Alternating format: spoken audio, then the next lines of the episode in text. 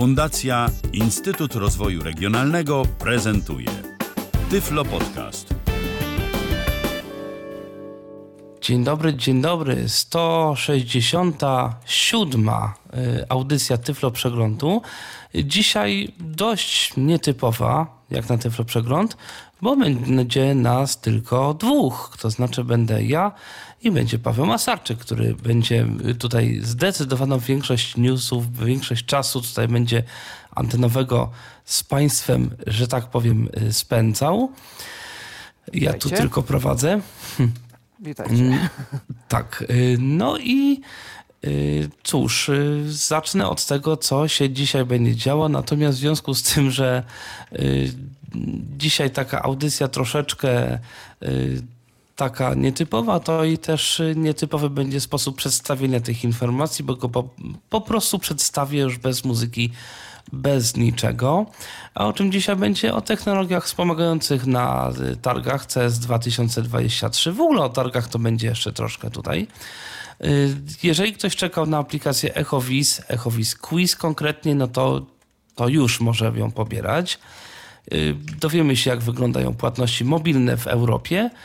Y, Albo dowiemy się, że Apple stawia na sztuczną inteligencję w narracji audiobooków. Powstaje spolszczenie dla edytora matematyki Lambda.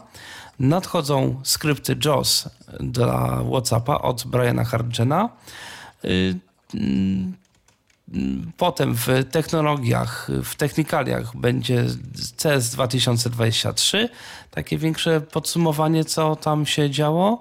Y, Informacja, że okulary VR od Apple'a coraz bardziej pewne. Y, AI Microsoftu, czyli sztuczna inteligencja Microsoftu, która klonuje nasz głos w 3 nawet sekundy. I to jest to, co mamy tutaj napisane w notatkach. Zobaczymy, czy coś się jeszcze w trakcie naszej audycji mm, pojawi. Można do nas pisać, można do nas dzwonić. kontakt.tyflopodcast.net to strona, na której są wszelkie dane kontaktowe. Jesteśmy, mam nadzieję, na Facebooku, jesteśmy, mam nadzieję, na YouTubie, no i jesteśmy, mam nadzieję, w Tyflo Radiu. Jeżeli nie, no to też y, tutaj bardzo proszę dzwonić. To jest mój prawie debiut, jeżeli chodzi o prowadzenie audycji, zwłaszcza prowadzenie w y, takiej ilości mm, źródeł, y, czy w takiej ilości mediów społecznościowych. Także mam nadzieję, że to wszystko, wszystko mi, że się tak wyrażę, wyszło. No i zaczynamy w takim razie już newsy i zaczynamy od targów CS 2023 i coś tu się y, podziało, jeżeli chodzi o y, różne dostępnościowe kwestie, tak mi się przynajmniej wydaje. Ja myślę, że zanim jeszcze zaczniemy o, o CES-ie czy jakichś innych tematach, to ja bym chciał się odnieść do czegoś, o czym y, Mikołaj wspomniał, bo Mikołaj w swoich drobnych newsach tydzień temu opowiadał o wrażeniach kogoś, oczywiście przeczytanych w internecie na temat smartfona Astro Slide. Jest to jeden ze smartfonów takich niszowych, y, opartych na Androidzie, ale nadal wyposażonych w klawiaturę kuwerty. No i co by tu dużo mówić, wrażenia osoby, na którą się powoływał Mikołaj, no nie były najlepsze. E, Klawiatura nie posiadała żadnych oznaczeń na literach i nie posiadała też wbudowanego żadnego screenreadera. E, No więc dla osoby niewidomej, która nie bardzo chce się bawić w instalowanie różnych jakichś dodatków i, i kombinowanie, nie był to najlepszy wybór. Natomiast y, są też inne urządzenia tego typu i my też mówiliśmy w Tyflo Przeglądzie zarówno o Astro Slide, jak i o telefonie firmy FX Tech, y, model Pro 1. I okazuje się, że również osoba e, niewidoma nabyła sobie taki telefon i podzieliła się e, wrażeniami z użytkowania takiego te telefonu. Więc e, myślę, że warto również to przekazać tutaj, gdyby kogoś interesowało, jak taki rynek urządzeń się rozwija. Te urządzenia nie są chyba nawet dostępne w Polsce. No ale myślę, że mm, warto poopowiadać o tym, y, co na takim rynku urządzeń. No, wczoraj mówiliśmy o Blind Shellu Classic. Tutaj e, Darek y, bardzo mocno to podkreślał, e, Dariusz Marciniszyn, e, żeby rozróżniać między klawiaturą T9 a kuwerty. Mm, Tych z kuwerty telefonów jeszcze, to jest oczywiście też nisza, ale jest jeszcze, mm, wychodzi jeszcze od czasu do czasu trochę różnych y, mniej znanych marek. No i właśnie jednym z takich telefonów z klawiaturą kuwerty, a nie T9 jest FX Tech Pro 1. I co pisze użytkownik, y, co pisze Drew Mohawk, który podzielił się takimi wrażeniami. Nabyłem FXT Pro 1. Posiada talkbacka i działają na nim gesty wielopalczaste. Jest mniejszy niż Astro Slide i klawiatura, a klawiatura posiada wypustki na literach F i J. Ma także więcej przycisków niż Astro, ale y, przez to jest wrażenie, jakby były one bardziej pościskane. Y, aha, i, i mniej się przemieszczają. Rozumiem, że chodzi o, o to, że gdzieś tam no, ruszają się te klawisze. E, z uwagi na to, że urządzenie posiada chipset o mniejszej mocy, Pro 1X, a to nawet Pro 1X, a nie Pro 1. Pro 1X trochę bardziej zamula niż Slide, a mm, nadal uważam, że jest to lepsze urządzenie, ale FX Tech zdaje się mieć bardzo słabe QC. Nie wiem dokładnie o co tutaj E, chodzi. Jeżeli ktoś rozjaśni, to może, e, może byłoby super. E, mój odbiór Wi-Fi jest gorszy niż na moim OnePlusie chyba 5. Nie słychać mnie przez LTE, chyba chodzi tu o voice over LTE. Wsparcie dla kodeka aptX jest zepsute a mój głośnik u dołu odcina kiedy odcina się, kiedy głośność jest poniżej 75%. No więc jednak trochę to urządzenie VAT ma i to jest niestety znamienne, co by nie mówić, dla tych urządzeń niszowych, yy, tych mniej, które no nie są jakichś topowych marek, że twórcy jakby przez to, że nie wpisują się w jakąś w jakieś ogólne trendy, tylko mogą sobie tworzyć co chcą. Oni robią różne fajne rzeczy. Robią na przykład telefony z klawiaturami, telefony mniejsze, telefony z jakimś przyciskiem push to talk, y, telefony, które wyglądają jak coś tam. Najróżniejsze ciekawe koncepty są próbowane. Natomiast niestety potem diabeł tkwi w szczegółach, a te szczegóły, o ile nie drażnią gdzieś osób y, widzących, czy powiedzmy osób, które nie mają jakichkolwiek szczególnych potrzeb w dostępie, no to potem okazuje się niestety, że takie problemy pojawiają się już, gdy no, mamy, mamy do czynienia z, z naszymi jakimiś różnymi e, zmiennymi, które się pojawiają, bo a to coś z klawiaturą brailleowską nie działa, a to coś dźwięk odcina, który nam jest potrzebny no, cały czas z uwagi na syntezę, a nie tylko jak muzyka gra.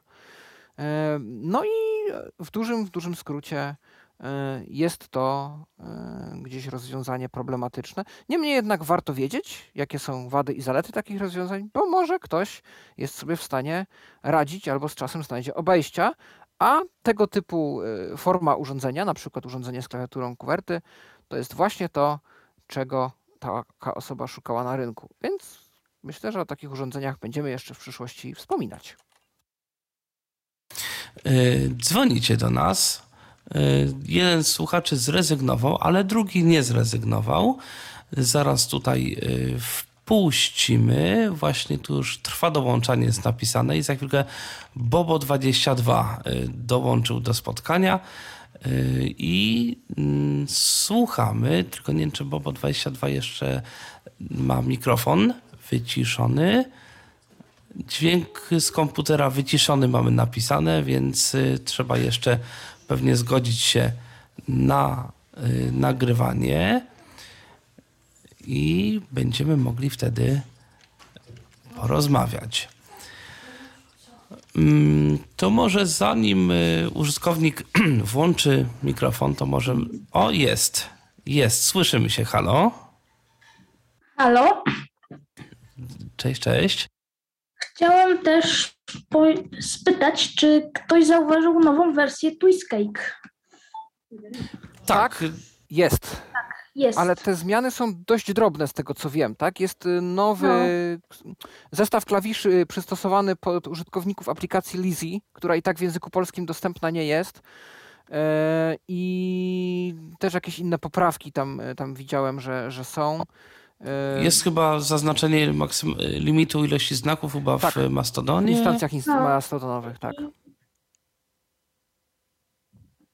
Ale jest, Tam tak, jest- rzeczywiście jest. podcast o Misty World, tej tym nowym No pewnie jak ktoś zrobi, to będzie. No to y, trzeba by najpierw y, z, mieć kogoś, kto chciałby No, taki podcast tak, zrobić. może- Natomiast jak ktoś się znajdzie chętny, no to, to oczywiście. Czy masz jeszcze jakieś, Bobo, do nas pytanie? Albo chciałbyś się czymś podzielić? Pytanie jest jeszcze jedno. Mhm. Jak w Telegramie zobaczyć te kontakty i dodać je za pomocą Twiskake'a? E, Windows Alt C, o ile pamiętam, jest skrótem do otwierania listy kontaktów. E, Mam nadzieję, że tego z czymś nie pomyliłem. Zawsze możesz skonsultować e, Windows e, Alt Shift H jako pomoc. Ja nie mam teraz Twiskake'a otwartego, żeby powie- podpowiedzieć, czy nie opowiadam jakiś kłopot. Natomiast wyszukiwanie kontaktów, na pewno Windows Alt L to jest, że można było link podać do Telegrama, taki w formacie t.me slash Tak, link. tak. Natomiast było też gdzieś chyba, nie wiem, czy po tym slashu po prostu nie dawało się numeru telefonu. Ja teraz nie pamiętam, jak linki telegramowe działają do końca. Natomiast wiem, że gdzieś były też optymalizacje, żeby po numerach telefonu się e, dało dodawać. E, Może Windows Alt Slash też jest wyszukiwanie? Bo chyba wyszukiwanie użytkowników też działa i Windows Alt Slash chyba miał być takim skrótem. I można wpisać tam wtedy numer telefonu, ją powinien wyszukać. Możemy jeszcze jakoś pomóc? Nie, dziękuję, już się rozłączam. Dzięki za telefon, zostań z I nami. jeszcze, jeszcze jak zacząć w tym Farm RPG? Oj, to chyba e, nikt, nam, nikt na to nie odpowie na ten moment, bo mm, ja o tej grze jedynie przeczytałem, że ona jest w biuletynie, sam w nią nie grałem. Natomiast e, zawsze, mm, nie wiem czy zauważyłeś, w komentarzach pod ostatnią audycją jest link do biuletynu i w biuletynie jest też podlinkowany E, link do dyskusji o grze na forum Audio Games, więc jeżeli angielski nie jest dla ciebie obcy lub jeżeli umiesz się posługiwać translatorem, to polecam zajrzeć do tego wątku i przeczytać, bo może inni gracze dali już jakieś wskazówki. Dziękuję. Proszę bardzo. Dzięki za telefon, fajnie, że dzwonisz, no i życzymy miłego odbioru. Zostań z nami na nasłuchu. Mm, Mamy komentarz jeszcze na Facebooku i mamy jeszcze informację. Ta informacja już mam nadzieję, że jest nieaktualna, że nie działa, y, nie da się pisać na, w aplikacji Tyflo Podcastu.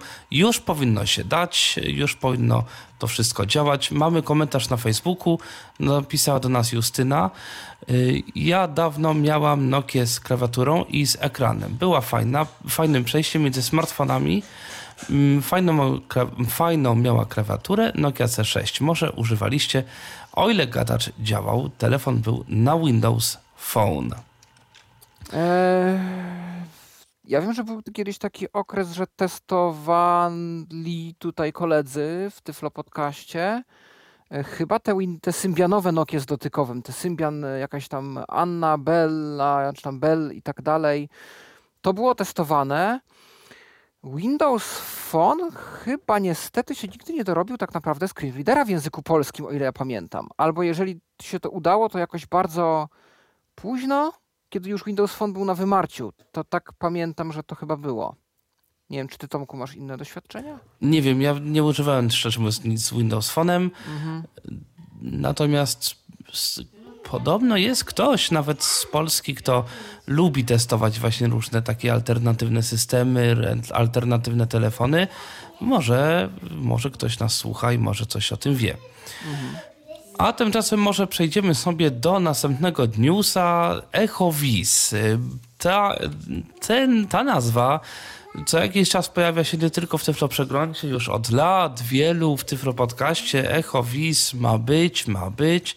No i w końcu jest. Przynajmniej no, EchoVis Quiz, czyli gra audio na telefony komórkowe z Androidem i z iOS-em jest dostępna. To jest właśnie quiz, który polega na tym, że mamy puszczany jakiś dźwięk i pytanie do tego dźwięku. To znaczy, to jest pytanie typu na przykład, co się dzieje, albo, yy, albo pytanie, z której strony nadjeżdża samochód, albo czy brama jest otwierana, czy zamykana. I są trzy odpowiedzi możliwe. Zaznacza się odpowiedź, którą uznajemy za właściwą. No i ta odpowiedź jest albo prawidłowa, albo nieprawidłowa. Y, gra bazuje w dużym stopniu na dźwiękach y, nagrywanych w technice, w technice binauralnej, czyli no, wymaga słuchawek do mm, grania. I z własnego doświadczenia mogę powiedzieć, że dobrze jest grać w tę grę w y, miejscu, w którym jest w miarę cicho i możemy się skupić, dlatego że tam naprawdę momentami te dźwięki, to, to nie jest tak łatwe usłyszeć coś, bo na przykład są dźwięki typu Y, jest jakaś leśna droga, po której przejeżdża samochód i gdzieś z przodu słychać jakiegoś, nie koguta albo nie. I właśnie jest pytanie, czy go słychać, a może coś oprócz niego, więc no, trzeba się momentami skupić i naprawdę dobrze jest mieć słuchawki, bo rzeczywiście czasami jest, są określone, określone tylko kierunki prawo-lewo, ale również przód-tył więc y, no, tutaj warto się y, skupić rzeczywiście i dobrze mieć to wszystko zrobione. Y, w grze jest, mamy, znaczy tak, sama gra jest darmowa. Jest możliwość do kupienia pakietu za chyba 12 zł dodatkowego, dodatkowych dźwięków pakietu. W podstawowym pakiecie zdaje się 50 dźwięków, w tym pakiecie drugim też jest chyba 50 dźwięków, więc w sumie póki co przynajmniej mamy w sumie dźwięków 100. No i 100 pytań, oczywiście, w związku z tym. Jest nawet jakaś punktacja. To, co mm, wolałbym, żeby było jakoś tam zmienione, na przykład, to fakt, że punktacja jest mm, jakby dla wszystkich pakietów naraz. Czyli jeżeli ktoś mm, nie wykupił sobie pakietu Y, tego płatnego, no to po prostu na starcie będzie niżej w punktacji. Nie ma czegoś takiego, że jest osobna punktacja dla tego pakietu pierwszego, osobna dla drugiego. Y, trochę szkoda, fajnie by było tak w pewnym sensie bardziej uczciwie, gdyby, gdyby te punktacje były robione jakoś osobno, no ale mamy co mamy. Y, czy ta gra jest fajna i ewentualnie dla kogo jest w ogóle stworzona? Myślę, że ta gra może być dobra po pierwsze dla dzieci, które dopiero poznają różne takie rzeczy i no to może być jakaś, jakaś ciekawa zabawa. Y, myślę, że to może być fajna gra dla ludzi, którzy tracą wzrok i no, muszą się jakoś otrzaskać z różnego rodzaju dźwiękami, jak to wszystko działa, jak to słychać. No to to jest też taki jeden z, ze sposobów na y, wejście w ten świat dźwięków. Czy to jest fajna gra dla ludzi niewidomych, takich aktywnych, którzy się poruszają? Nie wiem. No ja to pobrałem z ciekawości, natomiast y, mm, natomiast no, dla mnie to nie jest jakaś super rozrywka. Natomiast no, wyobrażam sobie właśnie, że ludzie, którzy gdzieś tam dopiero zaczynają mm, tutaj się, y, jak to powiedzieć, zaczynają wchodzić w ten, w ten świat, no to, to może być rzeczywiście dość, dość ciekawa historia, ciekawa aplikacja, ciekawa gra.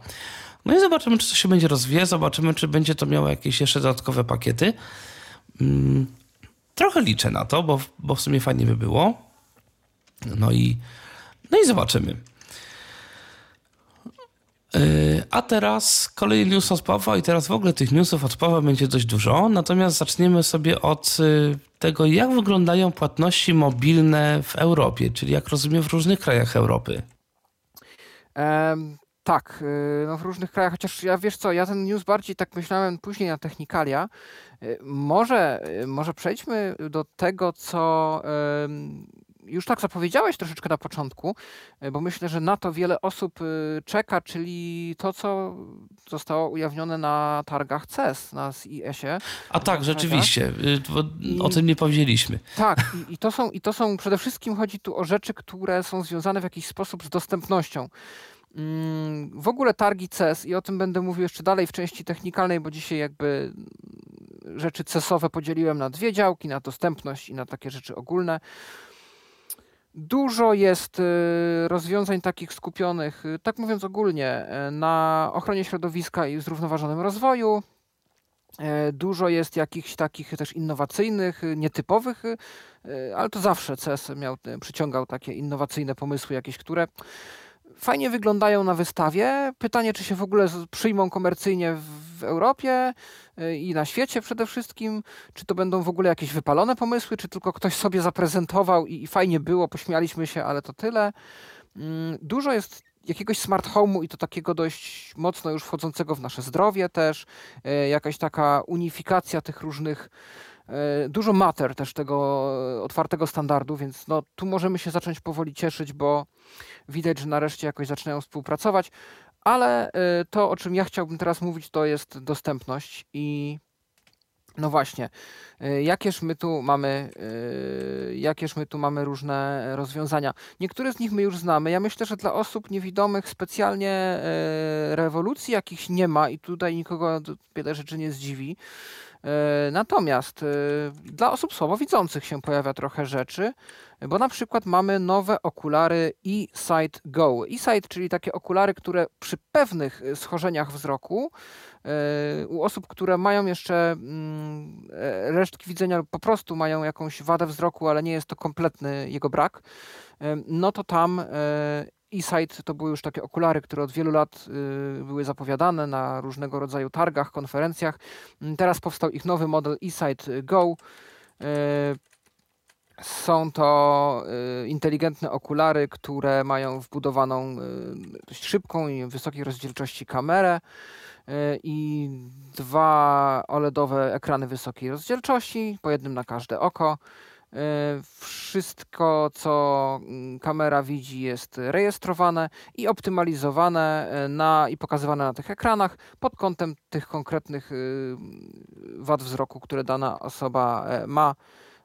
I te okulary właśnie eSight Go są ekstra lekkie jeszcze mniejsze, jakby bardziej poręczniejsze, żeby można było z nimi po podróżować. Można tu dostarczać kolor, kontrast na tych okularach, żeby można było sobie w różnych kontekstach i sytuacjach to wszystko usprawnić. Taką największą nowością, która nie dotyczy do końca e, osób stricte niewidomych, ale bardziej osób z ograniczoną mobilnością i motoryką, to jest Project Leonardo, czyli odpowiedź Sony i jakby działu PlayStation na Xbox Adaptive Controller.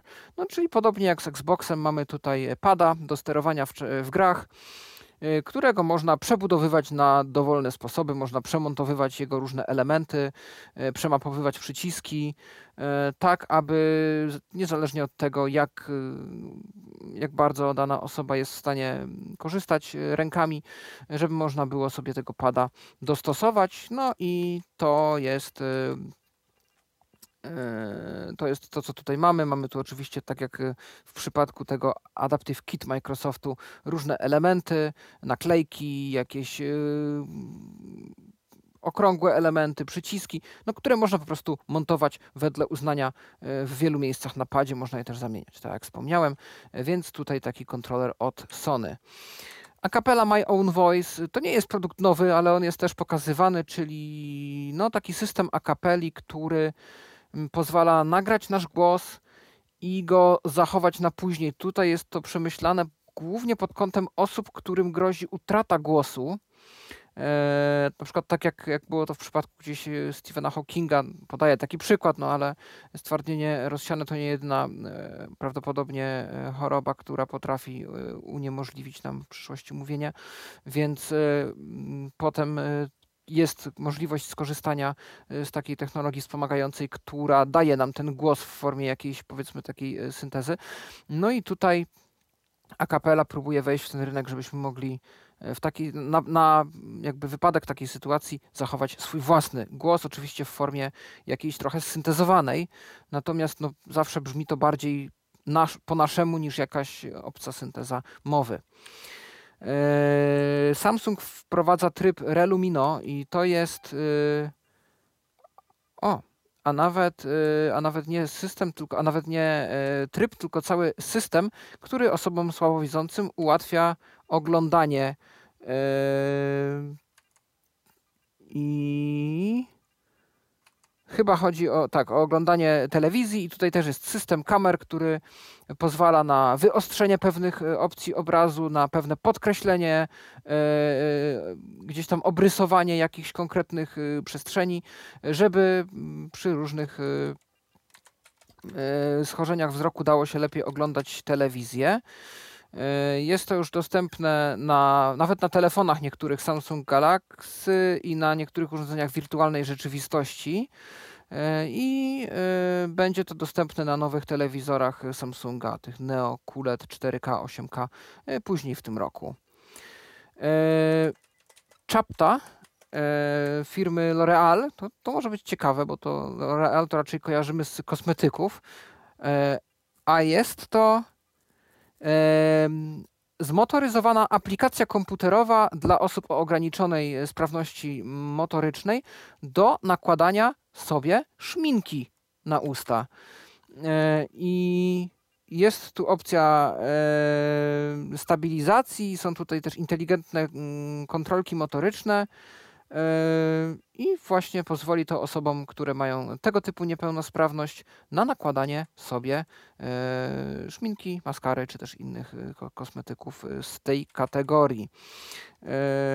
Jest 360 stopni ruchu, 180 stopni rozciągnięcia czy elastyczności, więc można tutaj bardzo elastycznie tym poruszać. Można też różne preferencje zapisywać co do e, tego, jak e, ten motor powinien się poruszać. No, jest to ciekawe zastosowanie. Widać, że w przypadku też takich e, niepełnosprawności nie ma czegoś takiego jak jedno rozwiązanie, które pomaga na wszystkie sytuacje. I tak jak my zaczynamy wchodzić już w gdzieś w sztuczną inteligencję, która nie czyta nam wszystkiego, tylko jest wytrenowana pod czytanie konkretnych e, informacji, tak jak w aplikacji Zuzanka, na przykład tylko daty ważności, to tutaj też mamy nie jednomotoryczne ramię do wszelkich zadań, tylko różnego rodzaju sprzęt do różnego rodzaju zadań. No, może jest to mm, dużo sprzętów, na, na, które pewnie nie wszystkich będzie później stać, to jest też niestety prawda. Natomiast też y, skierowanie konkretnego sprzętu na konkretne zadanie może jest tu jakąś metodą, żeby wyćwiczyć tą konkretną umiejętność w danym urządzeniu y, do perfekcji. Y, no i też jest więcej widoczności, e, dostępności i technologii wspomagających. E, na pewno są e, gdzieś graficzne monitory brailleowskie. Było gdzieś widać dotpada, było gdzieś widać rozwiązanie APH, o którym my już mówimy od jakiegoś czasu, ale o tyle bliżej są oni do jakiejś bardziej globalnej premiery. E, wiemy też, że GoodMaps otrzymało, czyli rozwiązanie hmm, amerykańskie dawnego Sendero i jeszcze chyba nie wiem, czy, czy jednej czy dwóch firm e, połączonych w zespół e, do nawigacji wewnątrzbudynkowej i także troszkę na zewnątrz. Otrzymało nagrodę, jedną z wielu na tych targach. No i też Panasonic zaprezentował okulary dla osób słabowidzących, które mm, mają jeszcze jakieś resztki wzroku, yy, mają widzenie yy, gdzieś tam peryferyjne, obszarowe i tam na przykład yy, jest ekran, który w tych miejscach, w których na przykład możemy nie zauważyć jakichś przeszkód, bo nie, jesteśmy w stanie patrzeć na boki, wprowadza taki suplement w formie znaczków takich symboli, piktogramów, które będą widoczne na znowu ekranikach, które w takich okularach są zamontowane.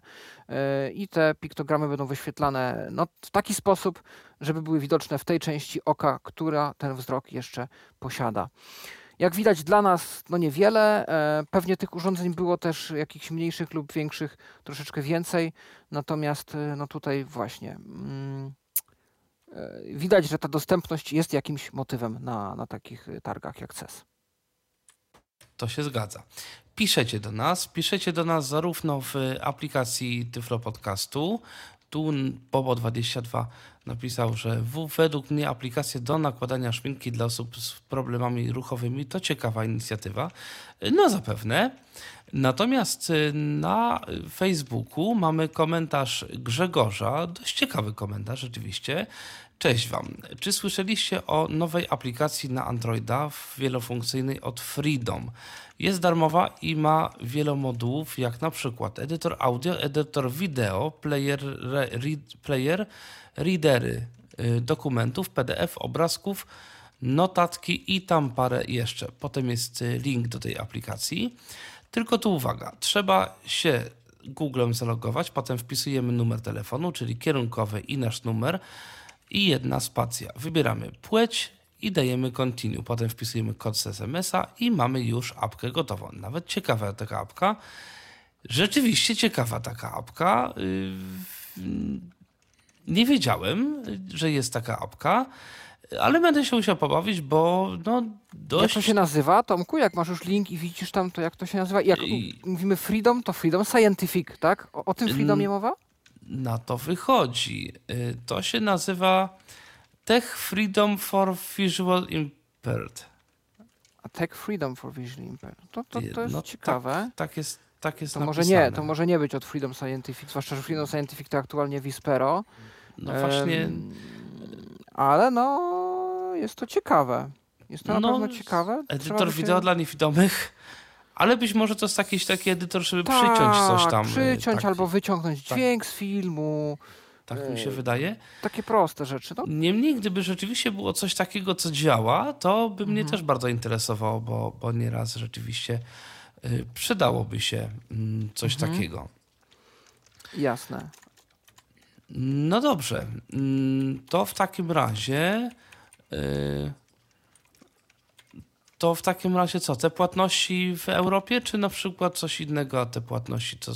to, Możemy te płatności zostawić sobie na później, bo na razie myślę, że możemy się przyjąć. Ja bym tutaj zacytował teraz od Michała e, informację, bo Michał zostawił nam e, newsa o dostępnym kursie Pythona.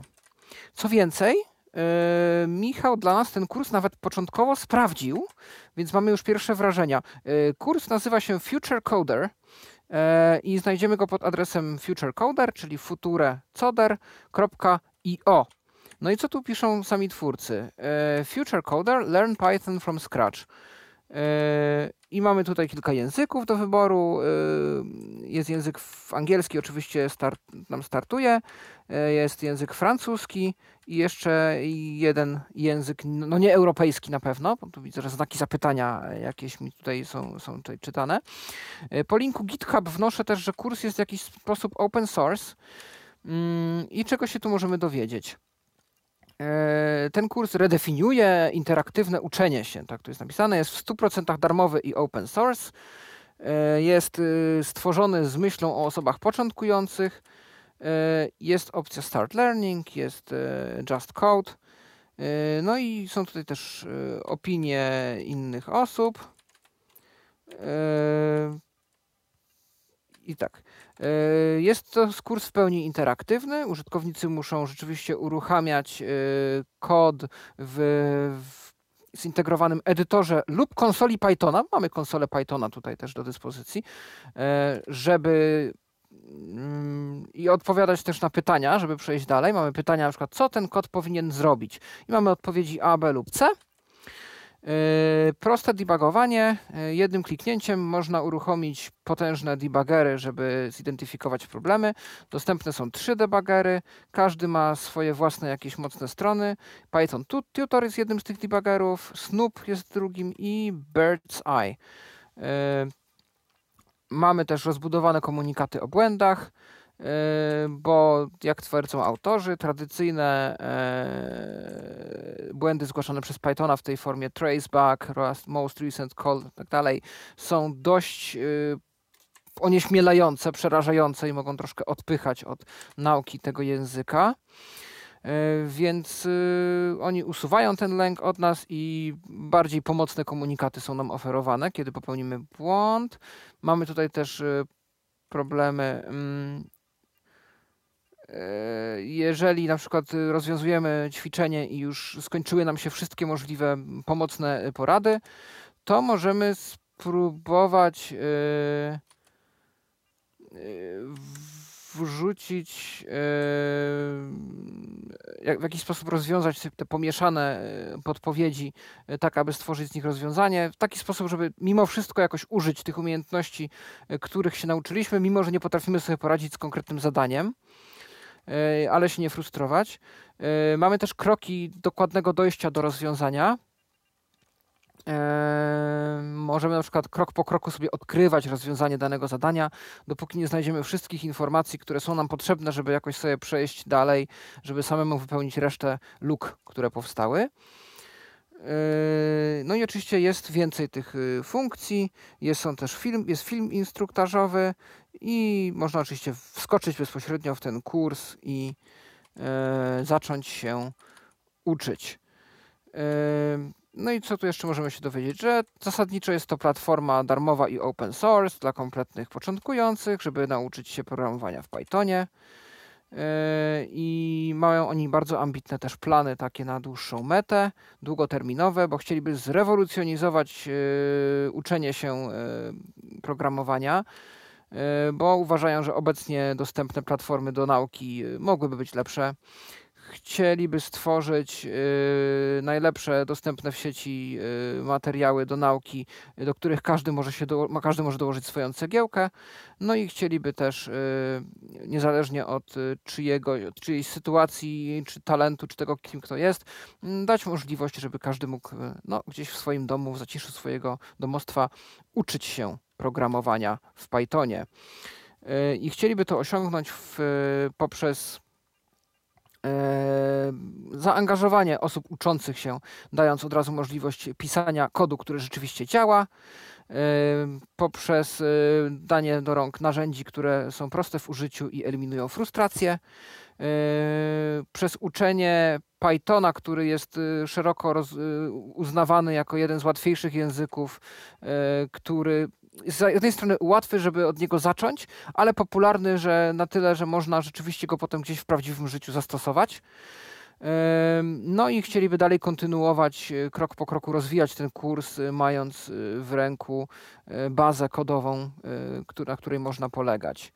I to jest projekt, który się nie kończy, więc strona będzie się cały czas rozbudowywać, aby stawać się jeszcze lepszą i zaprasza się też inne osoby, które mają ku temu zdolności, żeby tą stronę rozbudowywać. Więc jeżeli można, jeżeli jesteście zainteresowani, jest na GitHubie poradnik, jak można do tego kursu się dołożyć. Można też się skontaktować z twórcami e, przez Slacka, przez e, otwieranie zgłoszeń na GitHubie. E, jest też adres mailowy hello futurecoder.io i stworzył to Alex Hall. Jestem bardzo ciekaw, czy to jest czy to jest ten sam Alex Hall, który gdzieś tam się wypowiada na Twitterze, ta osoba niewidoma, która też tam na Apple się coś wrzuca, czy to po prostu zbieżność nazwisk? E, bo zdaje się, że dostępność też nie jest obcym konceptem, jeśli chodzi o ten kurs, ponieważ e, Michał przetestował dla nas ten kurs. No i co Michał był nam w stanie powiedzieć? Otóż kurs jest zasadniczo dostępny. Zaczyna od bardzo prostych takich koncepcji. Mm, my od razu ten, będziemy dostawali zadania, w których piszemy kod, no i e, zarówno edytor, jak i konsola Pythona, które są nam dane do dyspozycji, są dostępne. My możemy ten kod pisać, możemy go wykonywać mm, i e, no, istotnie te zadania również działają. E, to, e, co dostępne nie jest, a w Pythonie ma ogromne znaczenie i tutaj musiałby się wypowiedzieć ktoś, na przykład Mikołaj, e, kto częściej ma z programowaniem do czynienia, to jest ogłaszanie wcięć. I tu rzeczywiście screenreader tych wcięć na ten moment nie ogłasza. No a szkoda, bo rzeczywiście one na jakimś dalszym etapie, a może nawet już na wcześniejszym, bo Michał zdaje się, że dopiero co zaczął bawić się tym kursem, już są potrzebne i mają ogromne znaczenie. E, no i też coś, co nie jest dostępne, znaczy no, no nie jest dostępne, tak, ale nie, nie, nie blokuje nam to przejścia dalej, kiedy dostajemy jakieś pytanie i musimy na nie odpowiedzieć. A, B, C, no to wtedy e, mamy problem taki, że te odpowiedzi ABC no nie są na przykład przyciskiem opcji, żebyśmy wiedzieli, co zaznaczyliśmy, ale są elementem klikalnym. On po naciśnięciu Entera oczywiście się aktywuje, odpowiedź się zaznacza, natomiast my nie wiemy, e, co wybraliśmy. Koniec końców nie mamy tego potwierdzenia, że przycisk opcji zaznaczony na przykład. E, no mimo to, jeżeli jesteśmy uważni e, i jesteśmy w stanie z tym problemem żyć, to możemy gdzieś tam przynajmniej na początku z tym kursem się zaznajomić. Pytanie, czy na jakichś dalszych etapach tego kursu nie wystąpi jakiś inny problem.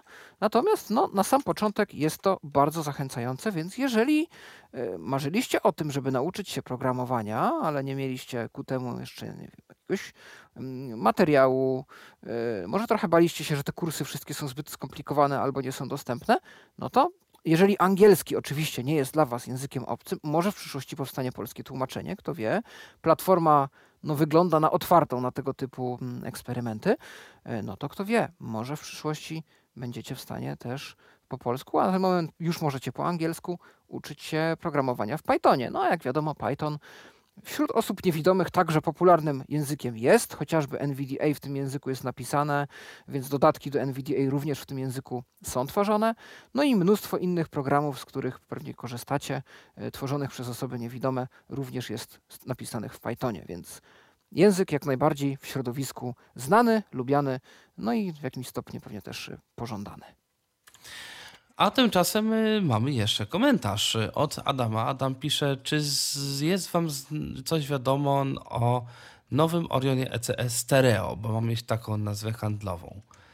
Mi nie jest nic wiadome. Eee, nie wiem, czy to o tym urządzeniu nie było komentarza Michała e, Kasperczaka e, przy okazji e, naszego odcinka przed świętami Bożego Narodzenia, ostatni, 165 Tyflo Przegląd. Tam Michał miał taki, e, taką 20-minutową wstawkę i chyba też, o ile pamiętam, mówił o Orionie, ale mogę coś mylić, mogę coś mylić. No, takie urządzenie gdzieś e, jest na, na horyzoncie. E, mówi się o nim, no, mm, ma ono klawiaturę, z tego co wiem, T9, czyli oprócz ma klawiaturę numeryczną, ale można ją wpisywać też litery. Jest to urządzenie troszkę większe, to już nie jest chyba urządzenie kieszonkowe, e, bardziej takie na stół niż do kieszeni. No ale te funkcje ma, które, które miało też wcześniej, czyli radio, podcasty i różne inne rzeczy, więc, e, więc no, istnieje, jest takie. Na temat syntezatorów mowy już mówiliśmy i że tych syntezatorów powstało ileś, nawet pokazywałem czy wcielałem się w pewnym sensie w, w, w Michała ostatnio. Natomiast y, Apple poszedł o krok dalej chyba, bo Apple zamierza, czy już chyba jakoś to uruchomili, tylko jakoś po cichu, y, audiobooki.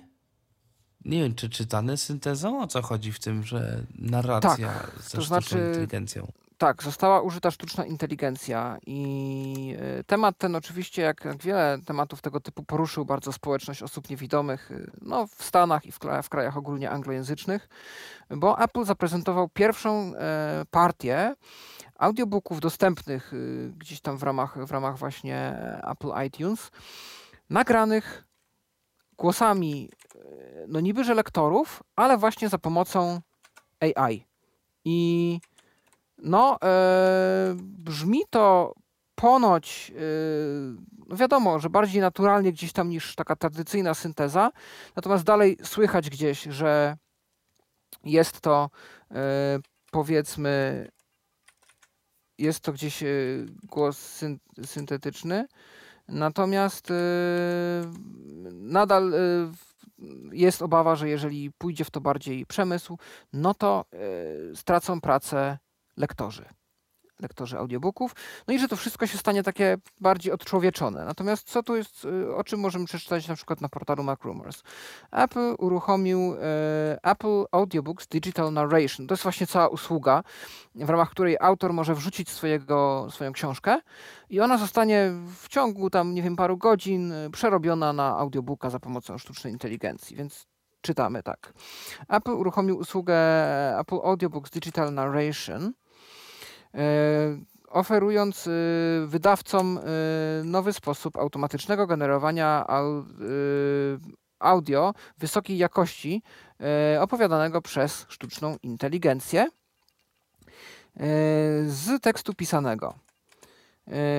Funkcja po raz pierwszy oznajmiona, zapowiedziana w grudniu przez stronę Apple Books for Authors E, pozwala e, wydawcom e, korzystającym z platformy na wejście w przekonwertowanie ich książki na audiobook czytany przez sztuczną inteligencję. I na tej samej stronie dostępne są próbki głosów. Ja spróbuję do tych głosów się dobić. Tomku, czy ty mógłbyś mi udzielić tutaj uprawnień do współprowadzenia? Bo szczerze mówiąc. Spróbuję. Nie spodziewałem się, że będziemy że będziemy tutaj e, coś e, puszczać, ale no Natomiast... Tylko nie wiem, jak to się robi, także. Aha, no na liście uczestników po prostu klikasz gdzieś tam e, po prostu ale widzę, że widzę, że po prostu są też fragmenty książek, więc może sobie odpuścimy. E, osoby zainteresowane mogą sobie pod linkiem to znaleźć, bo nie chciałbym tutaj jakiegoś problemu e, przez puszczanie dzieł objętych prawem autorskim e, nam przysporzyć. Natomiast no właśnie, mówiliśmy o tym jeszcze do niedawna, dziękuję Tomku, jako o jakiejś funkcji, która, no właśnie, może kiedyś będzie w przyszłości, może, może, może. A tu się okazuje, że już pierwsza firma, i to taka wielka, fir większa firma, bo mówiliśmy ostatnio o jakiejś jednej firmie, która tam gdzieś może jest znana, gdzieś może nie. E, ktoś może korzysta z ich usług, ale większość może nie. A tutaj Apple. No i to jest firma, która, jeżeli Apple coś zrobi, no to prawdopodobnie wiele firm pójdzie w ślad za nimi i gdzieś tam uzna to za trend. Nie wiem, jak ty, Tomku, na to patrzysz, natomiast yy, no może się okazać, że rzeczywiście e, gdzieś tam y, rozkręci się to jako standard na, w przemyśle. No zobaczymy. To znaczy, no, ten temat syntezy mowy to mam wrażenie, już ileś film do tego podchodziło na różne sposoby i podchodzi nadal. No i zobaczymy. No, możliwe, że rzeczywiście kiedyś to ruszy. Mm, zobaczymy. No, podejrzewam, że tu jest kilka kwestii do, do, do sprawdzenia. No ciekawe, że Apple tutaj tutaj ruszył, bo myślałem szczerze mówiąc, że zrobił to najpierw jakaś inna firma, ale no widocznie Apple y, też tutaj musi być y, pierwszym. Pierwszym, kto rzeczywiście dla ludzi robi, robi takie rzeczy. No, myślę, że narzędzia to powoli rzeczywiście mm, powstają takie, które mogłyby coś takiego zrobić. No, ciekaw jestem, czy rzeczywiście to jakoś mm, będzie miało no, no zobaczymy. Ciekawe, ja myślę, że ciekawe. też trochę czasu upłynie, zanim, e, może nie aż tyle, to nie jest kwestia, nie wiem, e, nawet może i roku, i dwóch lat, ale no jeszcze trochę, chociaż ciężko powiedzieć w przypadku tych wielkich firm, zanim to wejdzie po polsku, tak, bo ja wiem, że my mamy już narzędzia i że to wszystko coraz bardziej działa w języku polskim, bo to już też pokazywaliśmy tutaj wielokrotnie, ale mimo wszystko, nawet te narzędzia do klonowania głosu, czy to, co na przykład ty, Tomku, testowałeś tydzień temu, yy, dalej w dużym stopniu to już nie jest tak, jak nie wiem, tam jakiś czas temu, 5-10 lat temu, gdzie ten polski to tam albo się nigdy nie pojawiał, albo może z pięcioletnim opóźnieniem bo to już coraz bardziej gdzieś idzie w stronę tego, żeby to było nieważne jaki język i tak dalej. Przykładem jest Whisper, który naprawdę... Wiesz, nawet nie o to chodzi, że nieważne jaki język. Znaczy w tym akurat, co ja pokazywałem, to rzeczywiście nieważne jaki język. Aczkolwiek Natomiast... słuchajcie, było to trenowane, tak? Było to też trenowane chyba na, na danych no, nie polskich raczej. To znaczy, mm, to jest tak, że często te silniki, no to wychodzą w takiej formie, że się tak wyrażę, gołej, no i to społeczność robi różnego rodzaju modele dla, dla różnych języków. Dla polskiego też powstał. To, co ja pokazywałem tydzień temu, to rzeczywiście jest takie nieco bardziej wielojęzyczne. Natomiast y, takie główne, bo takie te tak zwane bazowe modele to i tak są chyba dla języka japońskiego. Mhm. Natomiast nie wiem, na ile ma to znaczenie w przypadku tego rodzaju rzeczy. Tam w ogóle są jeszcze modele bazowe dla głosu, modele bazowe, bazowe dla czegoś, co się nazywa vocoder. Tam są jakieś nieźle skomplikowane kwestie. No zobaczymy, zobaczymy jak to będzie się dalej rozwijało. Jasne. Yy, nie wiem, czy mamy jakieś komentarze albo ktoś. do Na razie nie widziałem. E, Nie, jest komentarz. Mhm. E, Jest komentarz od y, Roberta. Mhm. Co do pierwszego newsa o telefonie z klawiaturą QWERTY, Tak. QC może znaczyć Quick Charge, czyli szybkie ładowanie. Możliwe, A, że okej. ten telefon ma jakąś starszą generację, bo teraz standardem jest QC 3.0. Mhm. Wysyłam wiadomość dopiero teraz, bo przez jakiś czas mieliście wyłączony panel kontaktowy. Tak, rzeczywiście mieliśmy Okej, wyłączony Tak, panel kontaktowy, ale już mamy go włączony. No i dzięki temu Roberto do nas Dzięki. napisał. Możliwe, że o to, o to chodzi, rzeczywiście, Quick Charge. No okej, Natomiast, to, tak? mhm. No proszę Tomku. Natomiast na, na Facebooku nie ma żadnych nowych komentarzy, także Jasne. nie wiem, czy przechodzimy do następnego newsa, czy... Myślę, że możemy, tak. I tutaj dla osób, które by się chciały matematyki pouczyć. No, Tak. Nawet jakby nie chciały, no to niektóre, zwłaszcza młodsi, młodsze nasze słuchaczki, młodsi nasi słuchacze, e, muszą. a może lubią. Życzę wam tego, żebyście polubili.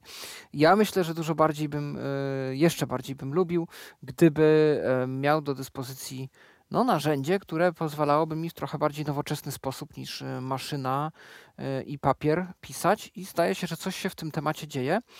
E, Miałem wczoraj przyjemność uczestniczyć w spotkaniu zorganizowanym przez Towarzystwo mm, Muzyczne imienia Edwina Kowalika przy Polskim Związku Niewidomych w Warszawie działające, o którego działalności już trochę mówiliśmy też na łamach Tyflo Przeglądu przy okazji podręcznika do muzykologii, zdaje się. E, I to spotkanie dotyczyło między innymi też edytora matematyki Lambda. E, Edytor matematyki Lambda dla mnie osobiście nie jest wcale takim nowym produktem. On już no, ładnych kilka lat istnieje. Jest to produkt włoski. I z tego co wiem, jest używany w tamtejszych szkołach. We włoskich szkołach też słyszałem o hiszpańskich, e, prawdopodobnie w innych krajach, gdzie został też zlokalizowany na język ojczysty również. E, No i wygląda na to, że z inicjatywy właśnie towarzystwa powstaje spolszczenie powoli e, lambdy, e, no dzięki czemu uczniowie na etapie szkolnym, a może i studenci też y, studiu, na, na studiach właśnie, gdzie matematyka jest potrzebna, będą mieli dostęp do edytora, który pozwoli w sposób dostępny zapisywać różne wyrażenia matematyczne i, i równania i, inne formy, zdaje się, że głównie algebry, E, No i nie dość, że możemy za pomocą mowy syntetycznej czy też Braille'a z nimi pracować, to możemy je też w takim e, graficznym e, trybie wyświetlić osobie widzącej na ekranie. Nauczycielowi, czy prowadzącemu, czy, czy komukolwiek, kto, kto będzie z nami nad tym pracował. No z tego, co mogłem w demonstracji wysłyszeć, ja tego oprogramowania nie znam i tutaj znowu przydałby się Mikołaj, możliwe, że on wie trochę więcej, albo przynajmniej słyszał, jak się z tym pracuje. No można wprowadzać najróżniejsze rodzaje wyrażeń matematycznych. Demonstrowane były ułamki. I to takie skomplikowane ułamki, na przykład, y, które mają po kilka elementów w liczniku i w mianowniku. Potęgi, które również składają się z kilku elementów. Zbiory, logarytmy, różnego rodzaju funkcje i tak dalej. Yy, Na to wszystko są albo opcje w menu, albo skróty klawiszowe, żeby wstawać, bo to tam bardzo jest często ważne, żeby wstawić początek ułamka złożonego. To jest licznik, kreska ułamkowa, mianownik, koniec ułamka, żeby to wszystko ściśle określić. I mm, no, dzięki skryptom dla czytników ekranu, bo zarówno dla JOSa, jak i dla NVDA istnieją skrypty, e, te znaki, które wpro- wprowadzamy, y, te różne matematyczne em, wyrażenia za pomocą tradycyjnych znaków, czyli na przykład kreska, taki slash to jest po prostu kreska ułamkowa, czyli albo ułamek, albo dzielenie. Y, Gwiazdka to jest znak mnożenia, później daszek to jest znak potęgi i tak dalej. No i dzięki tym skryptom i dostosowaniom nasza synteza będzie y, czytać to e, tak jak należy, czyli jako znaki matematyczne w kontekście tego konkretnego oprogramowania. E, No a na monitorze brailleowskim będzie nam wyświetlany zapis w formie e, specjalnego zapisu ośmiopunktowego stworzonego pod program Lambda. Czy on jest kompatybilny na przykład z Nemethem, e, czyli z y, angielską notacją matematyczną albo z jakąkolwiek not- notacją matematyczną, tego niestety nie wiem. Natomiast jest to zapis w Braille'u, który gdzieś tam jest no, różny od zapisu tradycyjnego tych, tych samych znaków. Pojawiały się pytania, czy program wspiera y, na przykład nawigację strukturową, bo pamiętajcie, że jest na przykład MAV Player, y, który pozwala na nawigowanie po chociażby wzorach matematycznych w MAV-ML-u zapisanych w formie takiej struktury, że na przykład jak mamy ułamek, to możemy wejść sobie w licznik, ponawigować po tym liczniku, potem możemy z niego wyjść, przejść do mianownika i tak dalej. E, ponoć no, albo nie, albo e, osoby odpowiedzialne za spolszczenie nie wiedzą, bo to też zostało podkreślone, że e, osoby, które zajmują się teraz spolszczaniem i udomawianiem tej aplikacji, też się jej na bieżąco uczą i nie wszystko też wiedzą. Nie wszystko też chyba zostało jeszcze im udostępnione, bo zdaje się, że program jest w jakichś dwóch wersjach. Jedna taka bardziej do użytku domowego, która albo jest darmowa, albo jest objęta okresem próbnym 30-dniowym. Natomiast y, jest też wersja jakaś bardziej zaawansowana, więc tutaj osoby odpowiedzialne za spolszczenie wyrażają nadzieję, że może niektóre z tych funkcji, o które zostały zapytane, są dostępne w tej wersji bardziej zaawansowanej. Mm, była też, było też pytanie o bardziej granularną nawigację po tych po, po, funkcjach, czy powiedzmy, jeżeli na przykład mamy do wymnożenia ileś tam elementów albo do pododawania ileś tam różnych elementów w nawiasie, czy program nam jakoś przy tym asystuje? Ponoć również y, na ten moment nie. Widzieliśmy edytor y, matematyczny, którym możemy oczywiście pisać wyrażenia i je prezentować, ale widzieliśmy także tryb kalkulatora, w którym możemy różne obliczenia prowadzić i z tego kalkulatora możemy też konkretne wartości wykopiowywać do edytora, więc to jest też jak najbardziej możliwe.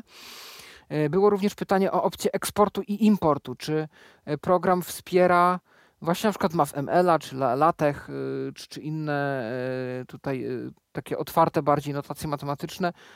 Również jest to coś, co albo nie istnieje, albo gdzieś jest dopracowywane, bo ponoć w kwestii latecha istnieje jakaś dokumentacja w języku włoskim, nad którą się jeszcze pracuje jak pogodzić te dwa standardy, żeby można było na przykład właśnie wzór z Wikipedii e, przetransportować do Lambdy.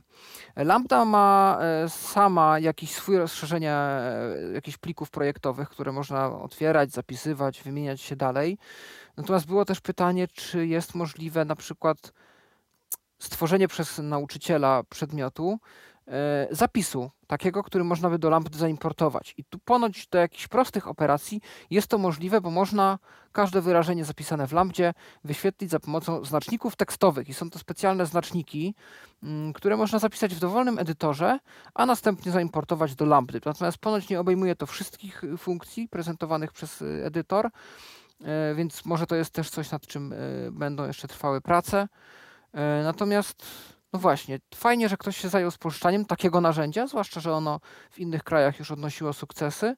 No i można mieć nadzieję, że w przyszłości e, będą miały, mieli uczennice, uczniowie, dzieci e, okazję uczyć się matematyki już w sposób troszkę bardziej scyfryzowany, zwłaszcza, że e, oprogramowanie szykuje się gdzieś też na publikowanie jakichś podręczników. Jakby element menu książki jest już dostępny, natomiast nie ma tam jeszcze żadnych podręczników na ten moment. E, no więc pytanie, czy e, w przyszłości zostaną też jakieś podręczniki e, zaadaptowane, tak, żeby na przykład z tekstu objaśniającego dane zagadnienie można było przeskoczyć do ćwiczeń, które to ćwiczenia będą mogły być przerzucane bezpośrednio do edytora w Lambdzie i, i tam jakoś rozpracowywane. No, Oby taka przyszłość nam się gdzieś e, pisała. Oby. E, mamy ciekawy komentarz od Agi. Mm, witajcie w roku 2023. Witamy. Witamy. Również po, po tej U mnie w mieście koło, koło sklepu Oszą pojawiła się tabliczka zachęcająca do korzystania ze sklepu z psem przewodnikiem. Pisze na niej tak. Pies przewodnik mile widziany. Nie widziałam jeszcze takich tabliczek w żadnym sklepie u siebie w mieście. Ciekawa jestem, czy faktycznie, czy potem jakby z takim pieskiem się tam poszło, czy faktycznie nie robiliby problemów. Zdaje mi się, że już kiedyś była taka afera, że w którymś ze supermarketów nie chcieli wpuścić osoby niewidomej z psem przewodnikiem, wskutek czego on został na zewnątrz i został skradziony. Może coś powoli się zmieni, w końcu to wszystko pójdzie dobrą stronę. To rzeczywiście ciekawe. Mm, ja też nie widziałem takiej tabliczki. Inna rzecz, że nie, nie, sprawdza, nie weryfikowałem tego, czy, czy są jakieś takie tabliczki. Cieszy fakt, że to jest y, duża sieć sklepów, y, że to nie jest jakiś sklep lokalny. Znaczy, nie no, gdyby to był sklep lokalny, też by było fajnie.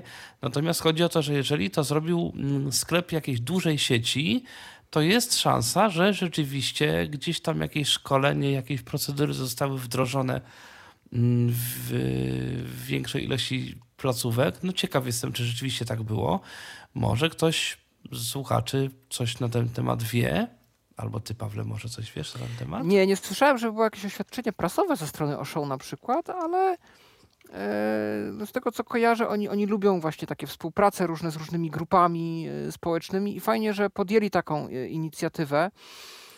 Ja też myślę, że bardzo ważnym jest to, żeby informować o tym, że nawet jeżeli to jest taka prosta, prosta rzecz, że pozwalamy wejść z psem, czyli to nie jest jakieś rozwiązanie technologiczne, które chcą rozreklamować, ale po prostu takie samo to, że oni są otwarci. Mają świadomość tego, że w ogóle coś takiego i jakby okej, okay, można wejść, nie ma, nie tak, ma problemu. Bo, bo jedno jest fajne, jedno jest oferować pewne rozwiązania czy udogodnienia, ale drugie też dawać o tym znać, bo e, oczywiście jasne, że gdybym był właścicielem psa przewodnika, to prawdopodobnie no nie liczyłbym na to, znaczy no nie czekałbym na to, aż każde miejsce, do którego chcę wejść, wystawi tabliczkę, tak? Ale fajnie wiedzieć, że ktoś mówi o tym otwarcie, tutaj jesteś mile widziany. To jest y, bardzo, bardzo fajne działanie. Tak samo ja zawsze zachęcam y, twórców na przykład aplikacji, przepraszam, że znowu zejdę na ten technologiczny temat, którzy dokonali poprawek dostępności.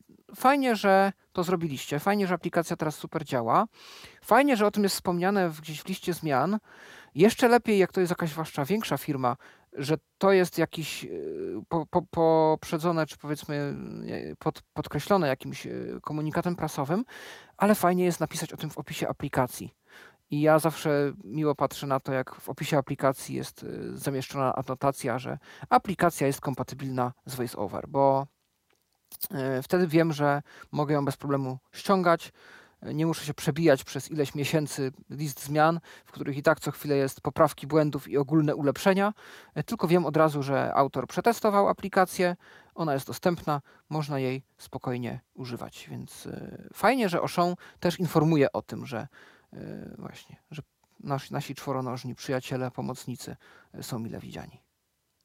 No to jak już mówimy o aplikacjach, no to teraz będzie o WhatsAppie, w zasadzie o skryptach do WhatsAppa od y, Briana Hardgena. Tak. Y, Brian Hardgen, y, postać, którą bardzo często tutaj przywołujemy w ramach naszych tyfloprzeglądowych różnych rozważań. I no, on stworzył wiele różnych kursów audio, kursów pisanych. On prowadzi też w Wielkiej Brytanii szkolenia. E, stworzył też aplikację Lizzy, która w wielu sytuacjach ułatwia korzystanie z komputera, no póki co anglojęzycznym użytkownikom. Oczywiście tworzył też skrypty do JOSa, między innymi do Station Playlist, do, do różnego in rodzaju innego oprogramowania. No i mamy skrypty do WhatsAppa. Skrypty te są już od jakiegoś czasu częścią Lizzy e, i są jedną z funkcji Lizzy i ułatwiają korzystanie z WhatsAppa, tego właśnie, który jest dostępny w Microsoft Store. Co te skrypty y, potrafią?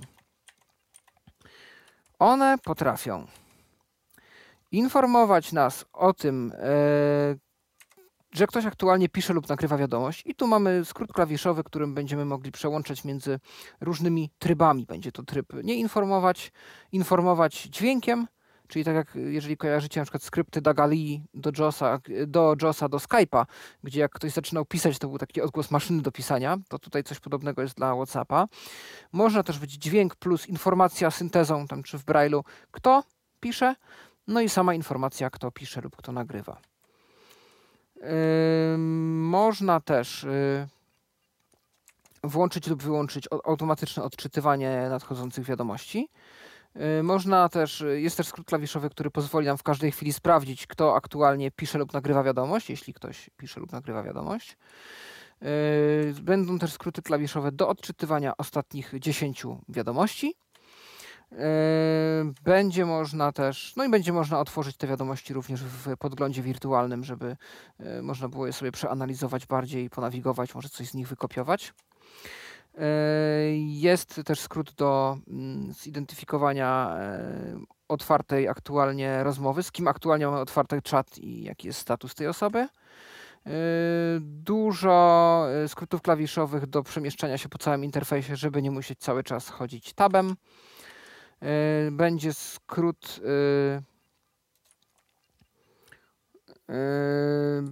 tak.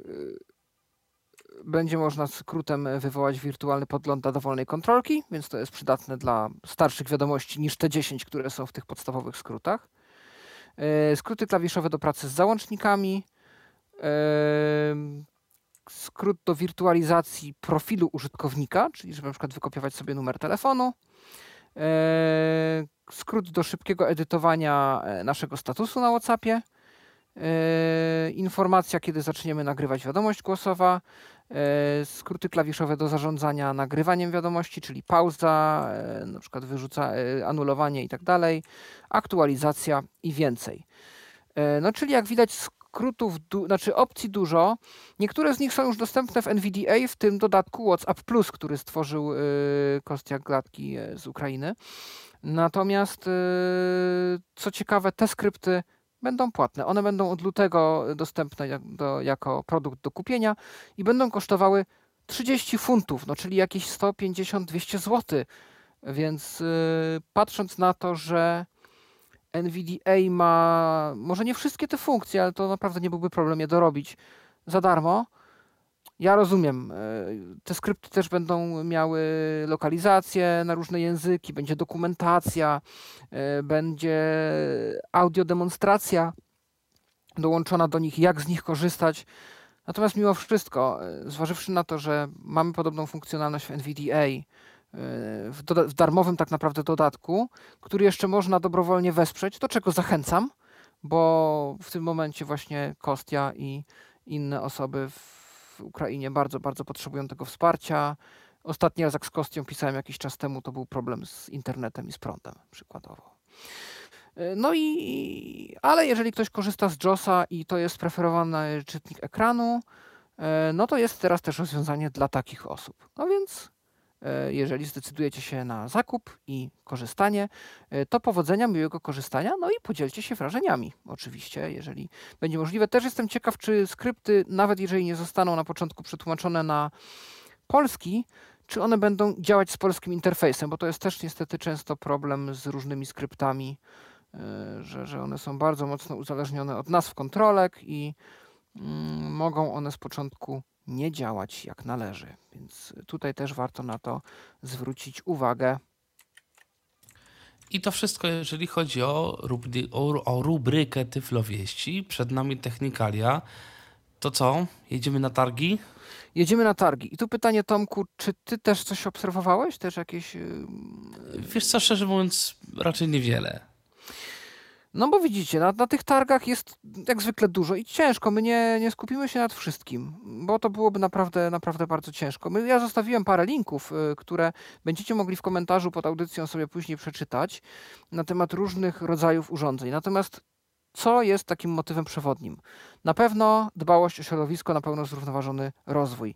I tutaj zarówno Samsung, jak i LG e, próbują e, w to wejść i próbują e, zarówno, aby ich urządzenia były energooszczędne, jak i też, aby powstawały z gdzieś recyklingu, albo żeby te stare urządzenia dało się gdzieś tam recyklingowi poddawać. LG przedstawiło nawet plan takiego miasteczka, powiedzmy, czy jakiejś y, społeczności, nie, to nie LG, to, to Samsung, e, gdzieś w Stanach Zjednoczonych, e, które będzie właśnie wspomagane przez technologię Samsunga. Przez technologię Samsunga, bo Samsung wprowadza między innymi coś, co się nazywa Smart Things Hub i to będzie taki takie centrum dowodzenia, takie główne urządzenie, które będzie pozwalało na kontrolę różnych tych urządzeń. Tam będzie na przykład też przycisk do uruchamiania różnego rodzaju rutyn, e, tam będą różnego rodzaju e, skupione połączenia tych wszystkich urządzeń, będzie można nimi sterować, będzie można je z tym łączyć. No i będzie to taki nasz hub w domu. Nie wiem, czy zastąpi w jakiś sposób może chmurę, ciężko powiedzieć. E, będą oczywiście nowe znaczy, lodówki. Takie rzeczy już mhm. robią y, coraz większa ilość firm, bo mm, trzeba pamiętać, że y, taki smart home to oczywiście czasami jest oparty na Wi-Fi, ale czasami jest oparty na protokołach na przykład Zigbee. To jest protokół też oparty na łączności radiowej, ale zupełnie innej i do tego trzeba specjalnych bramek, które mm, czasami nie są ze sobą kompatybilne, tak powiedzmy. Dość często nie są ze sobą kompatybilne. No i ileś firm robi w związku z tym własne i wtedy robi urządzenia na y, włączności tej Zigbee. Czy tu będzie o to chodziło, nie wiem, ale no tak to mi pierwsze przychodzi do głowy. No, bardzo, bardzo możliwe. Oczywiście mamy nowe lodówki Bespoke, jak zawsze. Yy, mamy nowe jakieś dwa, powiedzmy, telewizory, ale tu na razie wiele więcej, oprócz tego, że lepsza jakość obrazu, no to się więcej yy, nie dowiemy. Mamy. co jeszcze mamy? Mamy nowe sprzęty domowe od firmy Anker, czyli takie marki jak y, Anker Make, jak UFI, EUFY się pisze e, i, i, i najróżniejsze inne, chyba Soundcore też to są ich głośniki i słuchawki. I oni na przykład nam przedstawili stacje dokujące do iPadów. Takie, że możemy zrobić sobie z tego prawdziwe takie urządzenie produktywnościowe. Możemy sobie włożyć iPada do takiej stacji, podłączyć, on się będzie ładował. Możemy na HDMI popodpinać jakieś monitory do tego, jakieś na jacka e, urządzenie audio e, i w ten sposób z tym pracować. I to tak po 100 dolarów takie, takie jakieś przystawki. Mamy podstawki do ładowania, też na ileś różnych portów, szybkie ładowanie, bezprzewodowe ładowanie i tak dalej. Mamy mikrofon od, e, od UFI, od Ankera, e, bezprzewodowy mikrofon za 250 na razie dolarów, który pozwala na nagrywanie z dwóch źródeł równocześnie. I To może być coś ciekawego, jak myślisz, Tomku? Nie wiem. No zobaczymy jak to będzie zrobione, ale no ciekawe. Tak. E, mamy z takich y, ciekawych urządzeń domowych, które bardzo szeroko są ostatnio e, dyskutowane, to e, Withings, czyli taka e, firma słynąca z różnych produktów związanych gdzieś z naszym zdrowiem, czyli opaski sportowe, wagi, jakieś zegarki i tak dalej, jakieś, może nie zegarki, no, opaski. Wprowadza produkt, który się nazywa UScan. U od urine, czyli mocz. Jest to sensor, urządzenie montowane w toalecie. I kiedy my załatwiamy się i swoje potrzeby fizjologiczne, e, nasze płyny ustrojowe są automatycznie poddawane analizie pod kątem tego, czy wszystko w porządku, czy nie potrzebujemy odwiedzić lekarza. Gdyby coś wykazywało jakieś nieprawidłowości, jesteśmy o tym na bieżąco informowani. Ciekawe zastosowanie. Yy, Pytanie, jak to jest wykonane, czy to jest oczywiście ze wsparciem dla kilku profili, no bo wiadomo, że no, nie każdy mieszka sam, a jak nie każdy mieszka sam, to nie każdy też korzysta sam z toalety. Natomiast yy, no, może się to okazać przydatne, jakkolwiek yy, no, no, no, implementacja i tak dalej, domyślam się, że na je- niejednej twarzy może wywołać uśmiech.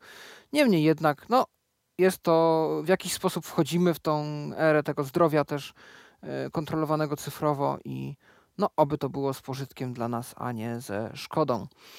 E, Trochę też urządzeń, e, trochę też e, mm, oczywiście robotów odkurzających, trochę też urządzeń kuchennych gdzieś tam się pojawia. Tak, Znalazłem też inteligentny mikser, który pomoże nam z inteligentną wagą, która pomoże nam w odmierzaniu składników, jest sterowany przez asystenty głosowe i pozwoli nam na, na skorzystanie z bazy przepisów. E, Kamery różnego rodzaju od e, takich firm jak właśnie czy Ring, czy, czy UFI. E, Ring na przykład kam- kamery do samochodów, które pozwalają nam też w przypadku, kiedy mamy stłuczkę i za chwilę będzie spotkanie z policją, szybko poprosić Alexę czy innego asystenta o włączenie nagrywania, żeby przez najbliższe kilka minut nagrywać. Możliwość jakaś też właśnie kontaktu ze światem zewnętrznym, czyli jeżeli coś się dzieje, to mikrofony e, w kamerze się aktywują i głośnik, żeby można było się komunikować z samochodu na zewnątrz i z zewnątrz do samochodu. Więc w tą stronę to e, zmierza. E, Natomiast tak. Mamy też trochę nowości dźwiękowych. Mamy na przykład nowe słuchawki gamingowe i głośniki i soundbary od JBL-a. Głośniki, co do głośników, to wyszły wersje Echo, Flipa i Go na ten moment, Clipa i Go na ten moment czyli tych najmniejszych głośników. Mamy też sandbary. Zdaje się, że JBL próbuje też podejść pod rynek kolumienek, y, czyli trochę takich większych i już bardziej y, powiedzmy wymagających głośników. Tutaj w tą stronę gdzieś to, gdzieś to idzie. Y, Google, który bardzo, bardzo mocno inwestuje w auto, więc mamy teraz dwa w ogóle systemy: Android Auto i Android Automotive. I różnica polega na tym, że o ile Android Auto to jest rzeczywiście tam sterowanie multimediami i podglądanie czegoś w naszym telefonie z pozycji e, powiedzmy tablicy deski rozdzielczej, no to Android Automotive to już jest cały system Android dla samochodów. E, więc tutaj e, w tą stronę idzie Google. Mamy też nowy Qualcomm, nowy mm, procesor E, Snapdragon e, i tutaj wchodzi wsparcie dla łączności satelitarnej. No, Apple ma swoją łączność satelitarną, no to Androidowcy też chcą mieć swoją e, i Motorola w, w nowej wersji telefonu DeFi, ja DeFi, a Motorola DeFi pamiętam no z jakiegoś roku 2013, 14, a telefon już wtedy miał kilka lat, więc nie wiem, czy to jakiś powrót po 10 latach.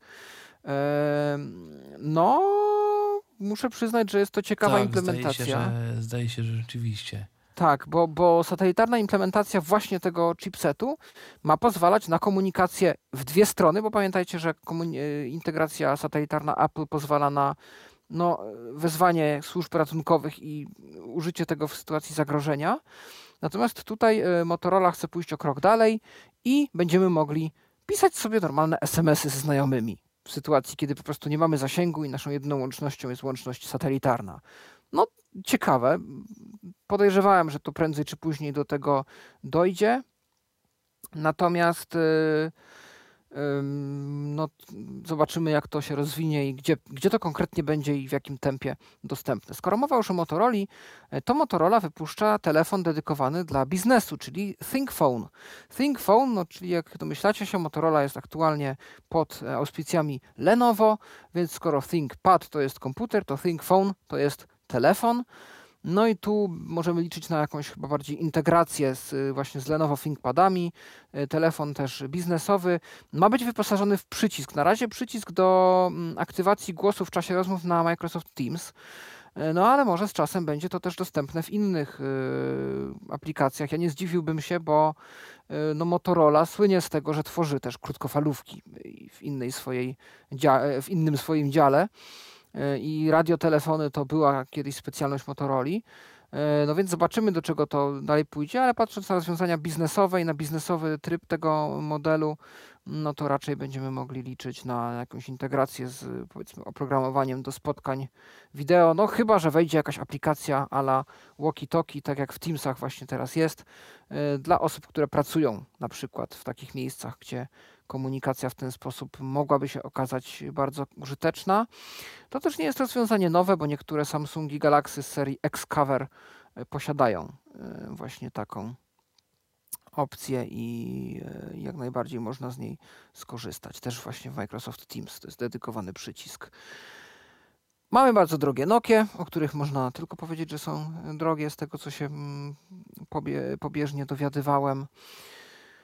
Mamy e, nowe telewizory od LG. LG w ogóle w tym e, roku też oprócz ekologii stawia na dostępność i zdaje się, że ma być bardziej instrukcje obsługi wyposażone w przewodnik głosowy, więc tu jestem bardzo ciekaw, czy to oznacza, że dostaniemy jakieś materiały audio mm, dodatkowo do naszych instrukcji, czy też rozbudowany będzie screen reader na telewizorach.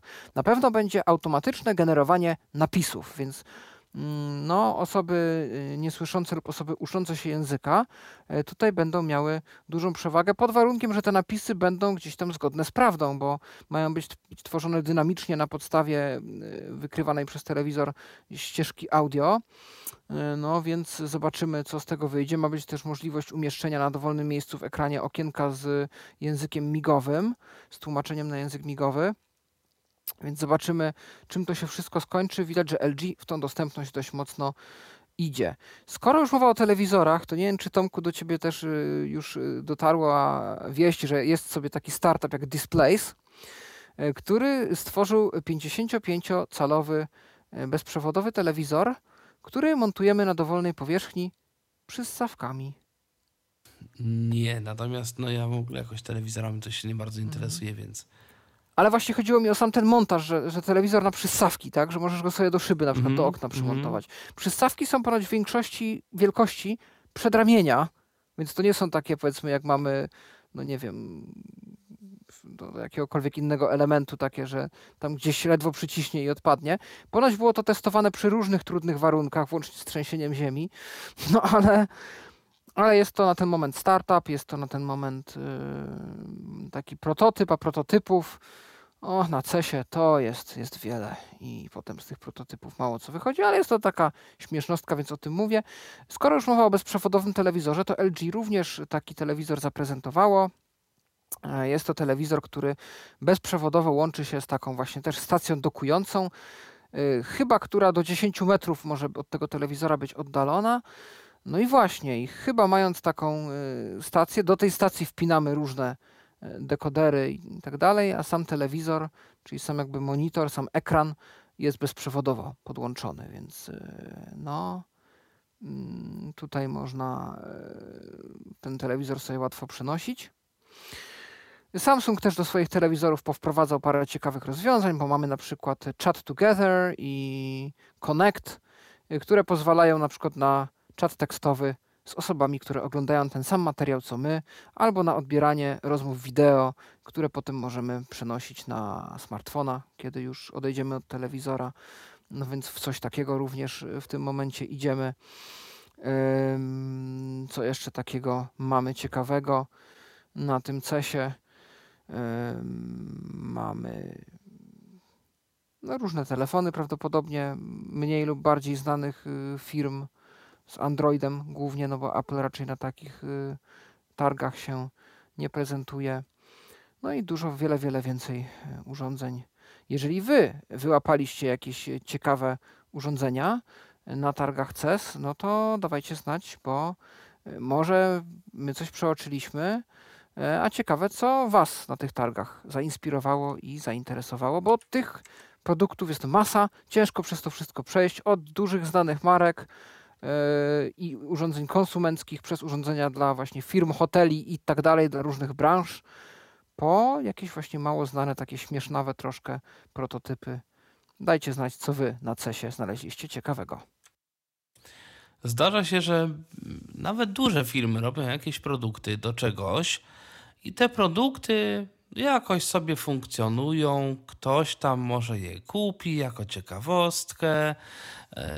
Natomiast potem tematem zaczyna interesować się Apple i nagle się okazuje, że ten produkt jest super i kupują go wszyscy, którzy mają Apple'a, iPhone'a na przykład. No i no właśnie ciekawe, czy będzie tak z okularami, bo okulary od Apple'a no, stają się ponoć coraz bardziej y, realne. Tak, i to już coraz głośniej się o tym mówi, bo o ile oczywiście, że no mamy już od dawna dużo plotek, dużo e, jakichś e, spekulacji e, i czekamy na, ten, e, na, te, na te okulary.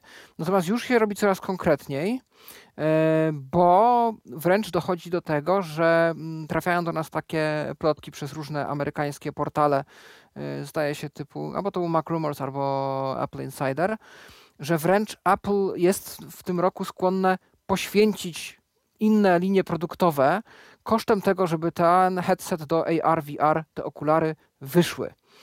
E, Bo słyszymy, słyszy się o tym, że e, iOS ma otrzymać dużo, dużo mniej nowych funkcji i macOS niż zwykle, że iPadOS, WatchOS i tvOS to wręcz prawie w ogóle nie mają dostać żadnych większych uaktualnień w tym roku, bo wszystkie moce przerobowe i wszystkie ręce na pokładzie są, żeby urzeczywistnić te okulary. Yy, Podejrzenia są też takie, że odbędzie się to w trzech etapach, czyli jakoś niebawem, yy, w przeciągu najbliższych, może nawet tygodni, dowiemy się, że okulary są planowane że są i co mają oferować. E, potem drugi etap będzie w czerwcu na WWDC, kiedy poznamy ich możliwości w pełni software'owe i zostanie udostępniona jakaś wstępna dokumentacja dla deweloperów, żeby twórcy mogli się powoli w tym odnaleźć i zdecydować, co chcą na te okulary tworzyć, a jesienią nastąpi premiera produktu. Ale za magazynem Think Apple yy, mamy informacje takie. Yy,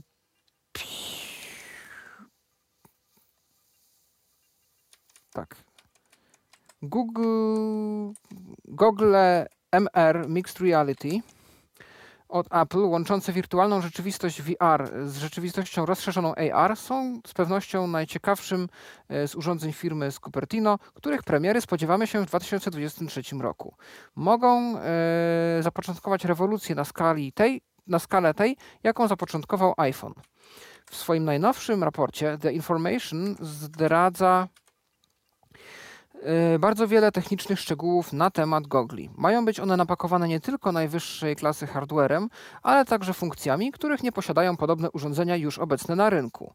Zapowiada się niezwykłe i oczywiście bardzo drogie urządzenie. Yy... Apple Google MRVR AR. Wszystkie szczegóły podane przez The Information – i mamy tak. Gogle będą posiadały pokrętło w stylu Digital Crown po prawej stronie urządzenia, służące do szybkiego przełączenia pomiędzy światem wirtualnym a rzeczywistym. Będą wyposażone w duży wyświetlacz zewnętrzny, na którym można wyświetlić mimikę twarzy osoby noszącej urządzenie, żeby zmniejszyć odczucie izolacji od świata zewnętrznego. Urządzenie działa na podobnej zasadzie jak ekran Always On w najnowszych iPhone'ach. Ma bardzo niską częstotliwość odświeżania, dzięki czemu zużywa minimalną ilość energii. Wewnątrz znajdziemy dwa wyświetlacze 4K, po jednym dla każdego oka, które razem stworzą i wyświetlą nam obraz 8K. Ruchy każdej gałki ocznej będą śledzone przez co najmniej jedną kamerę.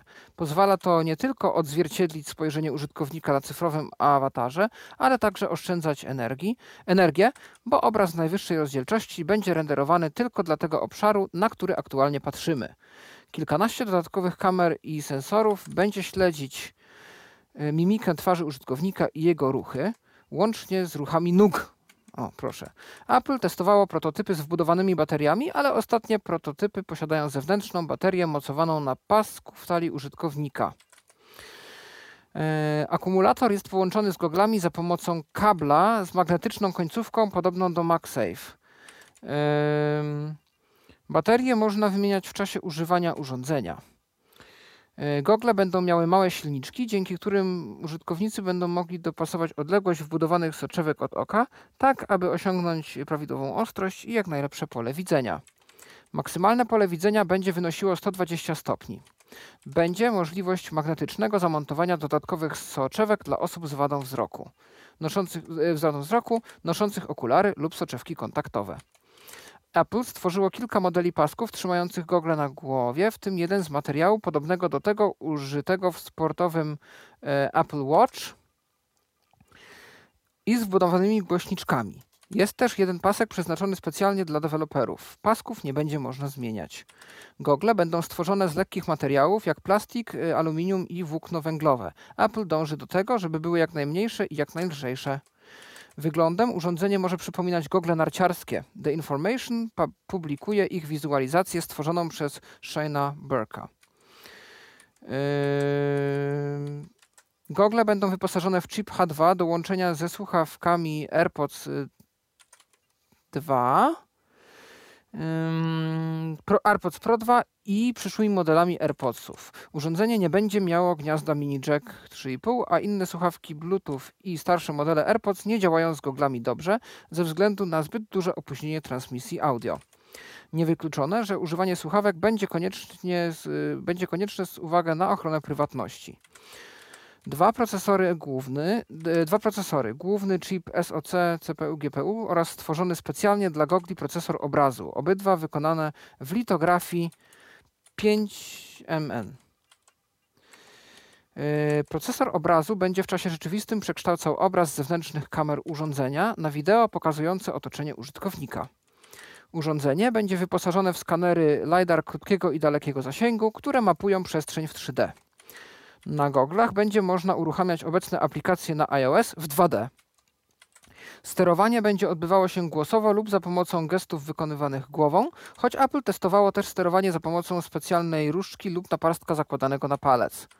Nie będzie specjalnego kontrolera gier przeznaczonego dla gogli. Urządzenie według przeznaczenia Apple nie będzie raczej przeznaczone do grania. Ważną funkcją gogli ma być możliwość prowadzenia telekonferencji z wykorzystaniem cyfrowych awatarów odtwarzających z olbrzymią dokładnością mimikę twarzy i ruchy ciała użytkownika. Apple stworzyło oprogramowanie pozwalające na przykład na przeciąganie z Maca aplikacji mapy i użycie jej, aby wyświetlić trójwymiarowy model miast na blacie stołu. Dostępnych ma być wiele aplikacji edukacyjnych yy, i cena.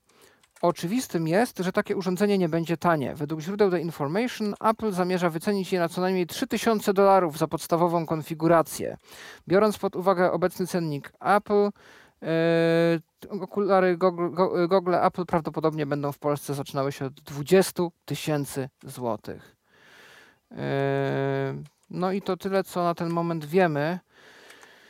No, nie brzmi to jak urządzenie, które sobie tak okupimy.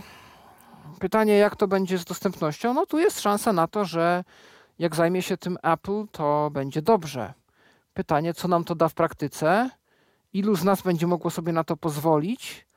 Czy obejmą to na przykład dofinansowanie? No i tak dalej, i tak dalej. Ale to oczywiście wszystko, no, jak już yy, urządzenie rzeczywiście będzie i będzie coś sensownego oferowało. Tomku? Jak tam wrażenia po tym, co wysłuchałeś? Spadłeś z krzesła? No, zobaczymy. No, na razie to są takie y, jakieś pierwsze mm, nawet nie wrażenia, więc no, zobaczymy, zobaczymy. No i cena niezła. No, to prawda. To, to chyba najbardziej ta cena na razie robi. Ale mówię, ja jestem ciekaw, bo Apple nawet w najbardziej jakichś takich urządzeniach, które by się nie wydawały że mogłyby być dostępne, no to tutaj yy, zazwyczaj się tą dostępnością wykazywali, więc no jest nadzieja. Za wysoką cenę, ale jest nadzieja, że może wejdzie jakaś ciekawa alternatywa na przykład dla Envision czy innych takich okularów, które już paręnaście tysięcy kosztują, a na pewno będą umia umiały mniej, więc no zobaczymy. No, to się zgadza. Ale rzeczywiście zobaczymy, mm, co w ogóle z tego wszystkiego wyjdzie, że tak powiem. No i ostatni news u nas w notatkach. AI, czyli sztuczna inteligencja Microsoftu, tre, y, klonuje głos w 3 sekundy. Tak, i, i tu za portalem y, Grudziądza, no Grudziądz nasze miasto. E, nie wiem, akurat oni też się zdecydowali o tym napisać, ale dowiadujemy się, że Microsoft opracował nową sztuczną inteligencję, która uczy się naśladować dowolny ludzki głos już w 3 sekundy. To jednak nie wszystko, ponieważ to sztuczna inteligencja ma dużo większe możliwości.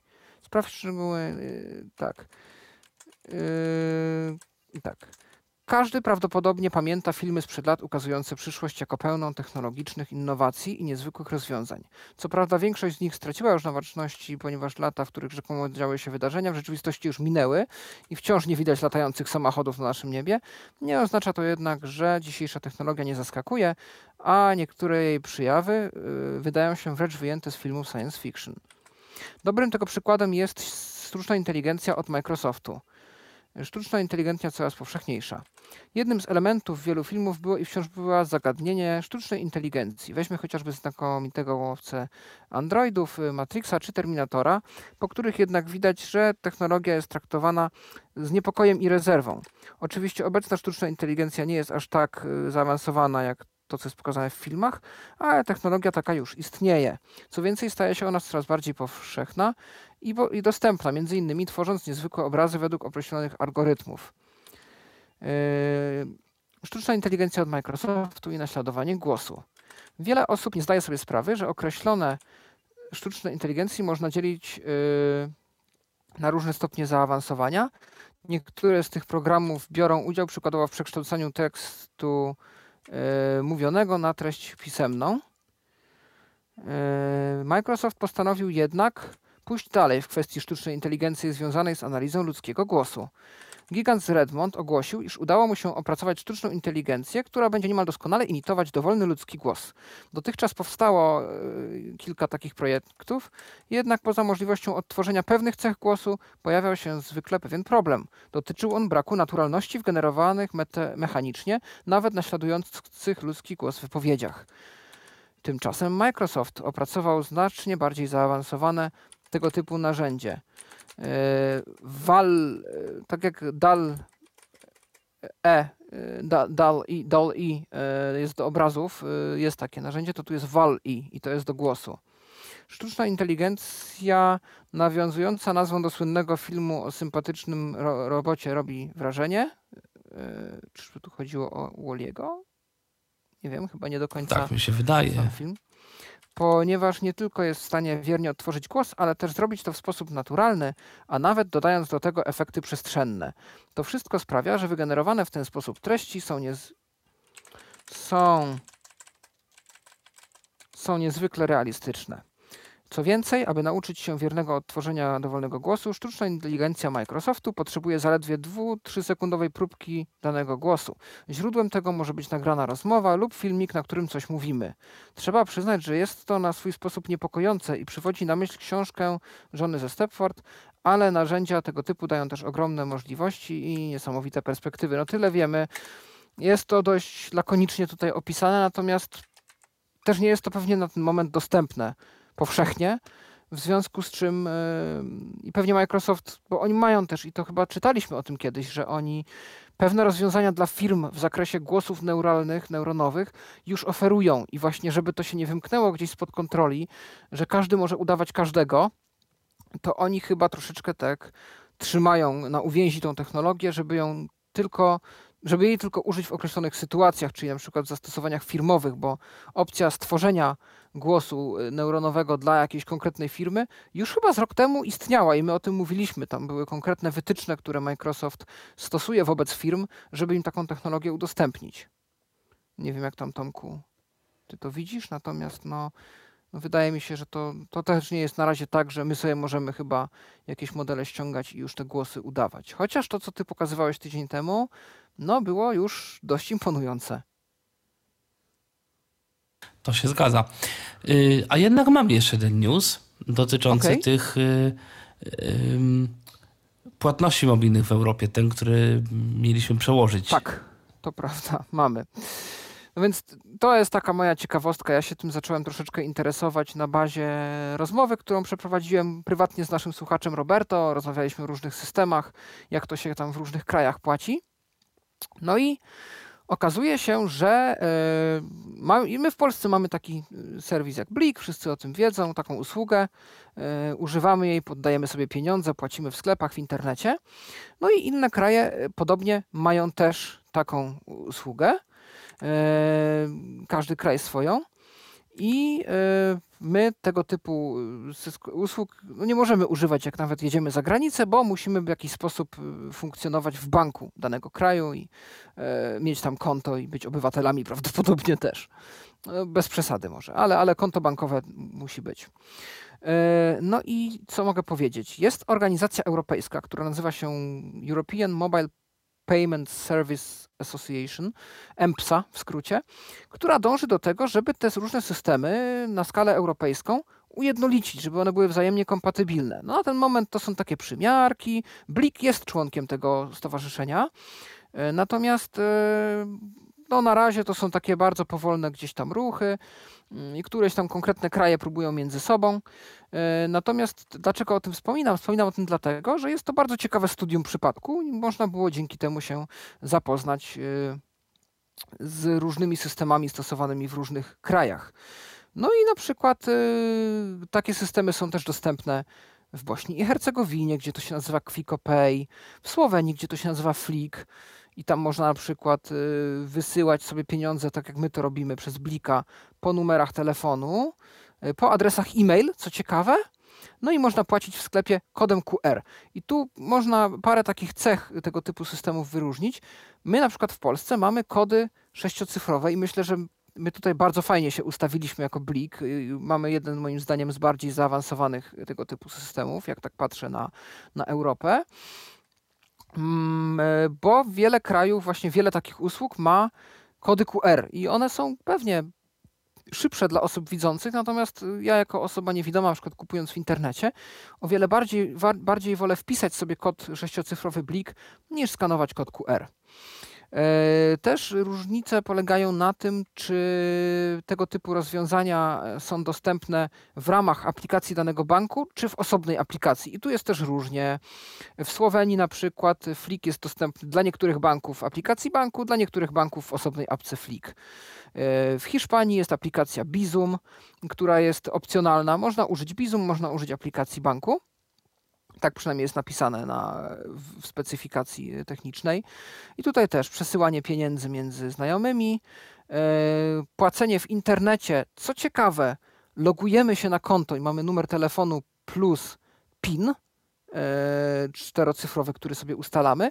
No chyba, że jesteśmy w jednym z banków, który y, nie wymaga PIN-u, a po prostu wymaga potwierdzenia w aplikacji banku transakcji. No to wtedy rzeczywiście e, nie musi, wystarczy, że chcąc kupić coś online e, w Hiszpanii, wybieramy, że chcemy płacić przez Bizum, wpisujemy numer telefonu, potwierdzamy w aplikacji bankowej transakcję i przechodzi dalej. Nie wygląda na to, żeby była możliwa jakakolwiek transakcja w sklepach stacjonarnych. Możliwe, że tam już y, krajobraz płatności mobilnych zdominował Apple Pay i Google Pay. Natomiast y, w takim stopniu, że usługi inne nie są potrzebne. Natomiast istnieje płatność kodami QR w jednej sytuacji. Kiedy kupujemy losy na loterię lub y, w innych aktywnościach hazardowych. No ciekawe y, podejście. E, natomiast no tak to wygląda. E, Niemcy i Austria mają chyba najmniej zaawansowany system, bo nazywa się Blue Code. E, i jest tylko i wyłącznie do płatności w sklepach, które to wspierają. E, skanujemy kod QR przy kasie, jest on spięty gdzieś z naszym kontem bankowym i dokonuje się płatność. Zaletą jest to, i tego chyba my jeszcze nie mamy w bliku w naszych aplikacjach y, bankowych, bo mamy integrację z różnymi kontami lojalnościowymi, y, kartami. Jeżeli w jakimś sklepie mamy, tak jak mamy, nie wiem, kartę Biedronka czy kartę Lidla, no to one są pointegrowane właśnie w takiej aplikacji ala, ala Blik. E, e, co jeszcze, o, czym jeszcze ciekawym mógłbym powiedzieć? No, są takie rozwiązania też w Skandynawii, e, czy w Danii, w Finlandii jest Mobile Pay, w Szwecji nazywa się to Swish i to jest chyba jeden z takich starszych systemów. W Norwegii jest to VIPS. No i również mamy tam, tam na przykład firmy mają swoje w ogóle numery, numer Swish albo numer VIPS i można znając ten numer dokonywać płatności na rzecz, na rzecz firmy. Um, Chyba nawet jest taka możliwość, jeszcze musiałbym o tym doczytać, w Norwegii na pewno, e, że oczywiście kodami QR można płacić e, w internecie czy też przy terminalu. E, możemy też, czy to my skanujemy kod, czy skanuje go osoba obsługująca nas, ale zdaje się, że jest też opcja płatności przez numer telefonu, czyli przy kasie podajemy numer telefonu. Prawdopodobnie jakoś w aplikacji potwierdzamy transakcję i ona przechodzi, więc nie musimy już szukać terminala e, i się z tym biedzić, e, tylko tu po prostu jest możliwość od razu przez numer telefonu płatności. To jest akurat całkiem ciekawe. Najciekawsza natomiast okaza, spodobała mi się usługa szwajcarska Twint. I to jest naprawdę fenomen. Ja rozmawiałem ze znajomymi w Szwajcarii. Rzeczywiście jest to usługa rozkręcona E, tam już do granic możliwości, bo oczywiście jest wysyłanie pieniędzy, wiadomo. Są płatności w sklepie i to na różne sposoby. Głównie płaci się kodem QR, natomiast do niedawna i to powoli jest wycofywane i yy, zdaje się, ja, ja trochę bardziej sobie, trochę więcej sobie obiecywałem po tej technologii, natomiast no, mm, Niestety chyba trzeba będzie obejść się smakiem, bo to tak nie działa i w efekcie było tak wolne, że e, wycofuje się to powoli ze sklepów. Możliwa była płatność przez beacon Bluetooth. I ja rzeczywiście myślałem, że to działa tak, że ja nie muszę te, tego telefonu nigdzie zbliżać, nic skanować, nic wpisywać, tylko w aplikacji, bo każda, każdy bank ma swoją aplikację Twint, w ogóle, żeby było ciekawiej w Szwajcarii, że ja mogę sobie w aplikacji wyszukać najbliższe terminale kiedy jestem już, kiedy już jest tak daleko, że będę płacił. No i wybrać sobie ten terminal, w którym chcę zapłacić i, i płacę. Natomiast nie, tu się okazuje, że jako, że to jest beacon Bluetooth Low Energy, co mnie zdziwiło, ja myślałem, że one działają tak samo jak każdy inny Bluetooth, czyli po prostu mm, nie muszę być aż tak blisko, ale zda, zdaje się, że trzeba zbliżyć telefon 5 do 10 centymetrów od tego beaconu. No i wtedy możemy płacić. Ja domyślam się, że to jest rozwiązanie pośrednie, kiedy nie chcemy używać Apple Pay y, albo Google Pay, a chcemy zapłacić telefonem, żeby nie używać NFC. Natomiast no, to ciekawa implementacja. Y, poza tym w tej aplikacji Twint można tak naprawdę bardzo wiele rzeczy zrobić. To jest bardzo rozbudowana aplikacja. Y, można na przykład płacić za parkowanie, można płacić na stacjach benzynowych, można płacić za wpłacać na różne organizacje i to jest też właśnie Blik powoli gdzieś przy okazji y, wspierania Ukrainy miał taką możliwość płacenia przez, przez Blik, natomiast nie ma na przykład tak jak jest właśnie w Twint, czy w, też w hiszpańskim Bizum, że mamy wykaz różnych organizacji pożytku publicznego w tej jednej aplikacji i my sobie możemy wybrać, poczytać na co ta organizacja zbiera albo co w ten sposób y, wspieramy i jakiś datek złożyć bezpośrednio w tej aplikacji. W tej aplikacji możemy też na przykład podpisać umowę na telefon. Mamy porównywarkę abonamentów, y, możemy sobie wybrać y, ofertę, która nas interesuje, dokonać podpisu elektronicznego i karta już y, aktywowana i wszystkie dokumenty idą do nas pocztą. Możemy kupować różnego rodzaju bony prosto, prosto z tej aplikacji. Możemy kupować coś ala nasz grupon, czyli takie różne doświadczenia, tak? Jakaś, e, jakiś lunch w restauracji, jakiś tam hotel ze spa i tak dalej. Tego typu rzeczy, które często się kupuje, takie aktywności e, na gruponie jako, jako prezent. Można kupować różne bony, na przykład do różnych usług streamingowych, y, do gier i, i tak dalej. Mm, możemy też y, na przykład kupować karty PaySafe i to jest też kolejny ciekawy koncept y, w Szwajcarii. E, jest uniwersalny standard bonów, na dowolne zakupy online.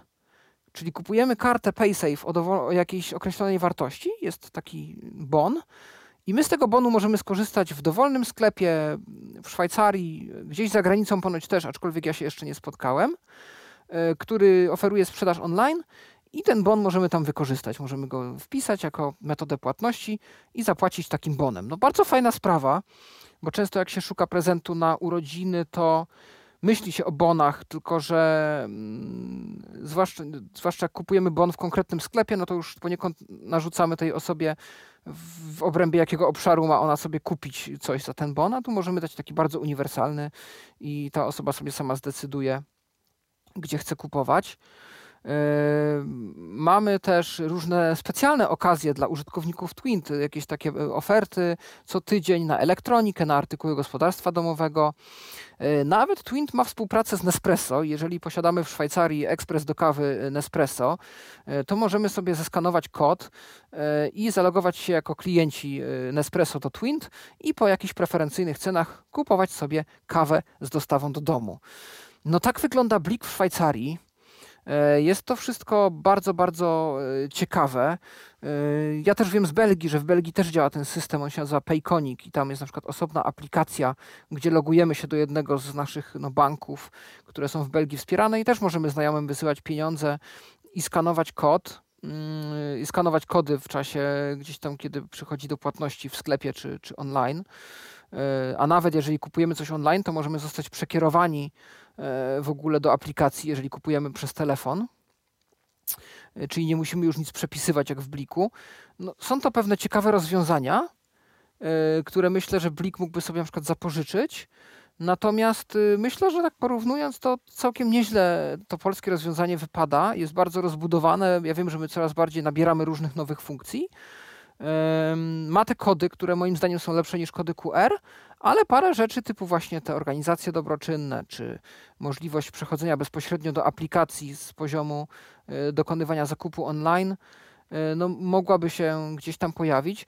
No, w tym szwajcarskim rozwiązaniu można też w określonych sklepach, które wspierają taką sieć Sonect, wypłacać pieniądze bez używania bankomatów. Wiem, że niektóre supermarkety chyba na pewno są wpłatomaty, ale chyba też opcja wypłaty pieniędzy jest chyba w niektórych supermarketach możliwa, z tego co pamiętam.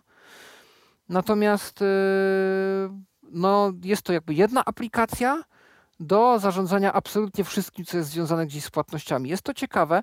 Myślę, że to, o czym wczoraj też rozmawialiśmy przy okazji Blind Shella e, z Darkiem, e, czyli to, że pewną przewagą byłoby na przykład to, jeżeli Blik byłby również oferowany jako aplikacja osobna, bo może taka aplikacja prędzej przeszłaby na takim blind shellu niż jakaś pełnoprawna aplikacja bankowa z wszystkimi opcjami tam przelewów, zarządzania różnymi kontami, środkami, e, ubezpieczeniami itd. Tak o, ubezpieczenia w Twincie też można kupować. No, więc to byłoby bardzo, bardzo gdzieś ciekawe. W ogóle jeszcze a propos Twint, no to jest na tyle fenomen, gdybyście kiedyś, jeżeli uczycie się niemieckiego i chcielibyście poznać bardzo ważne słówko przydatne w życiu codziennym w Szwajcarii, to od korzystania od nazwy aplikacji Twint na jakiekolwiek y, operacje związane z tą aplikacją jest czasownik twinten, czyli można twintować komuś pieniądze, na przykład znajomemu, to tam się odmienia, iść twinte, do twintest i tak dalej. Więc gdybyście potrzebowali takiej, takiej porady, to proszę bardzo. Natomiast no właśnie, różne są rozwiązania, mają one swoje wady i zalety i tu w różnych sytuacjach mogłyby się konkretne rozwiązania okazać użyteczne. Natomiast no, miejmy nadzieję, że kiedyś to zostanie też na tyle e, rozwinięte pod kątem współpracy, że będzie można z tego korzystać w różnych, w różnych krajach. Tomku, zdaje się, że mamy kogoś na linii, kogo byśmy chcieli wpuścić, prawda? -hmm. No mamy, mamy już kogoś, kto czeka. E, mogę wpuścić, jak chcesz? Tak, y, no to może wpuść, rzeczywiście. Dobrze, mamy kogoś na antenie, słuchaczkę bądź słuchacza, e, którzy już się z nami łączą. Halo, halo? Czy się słyszymy?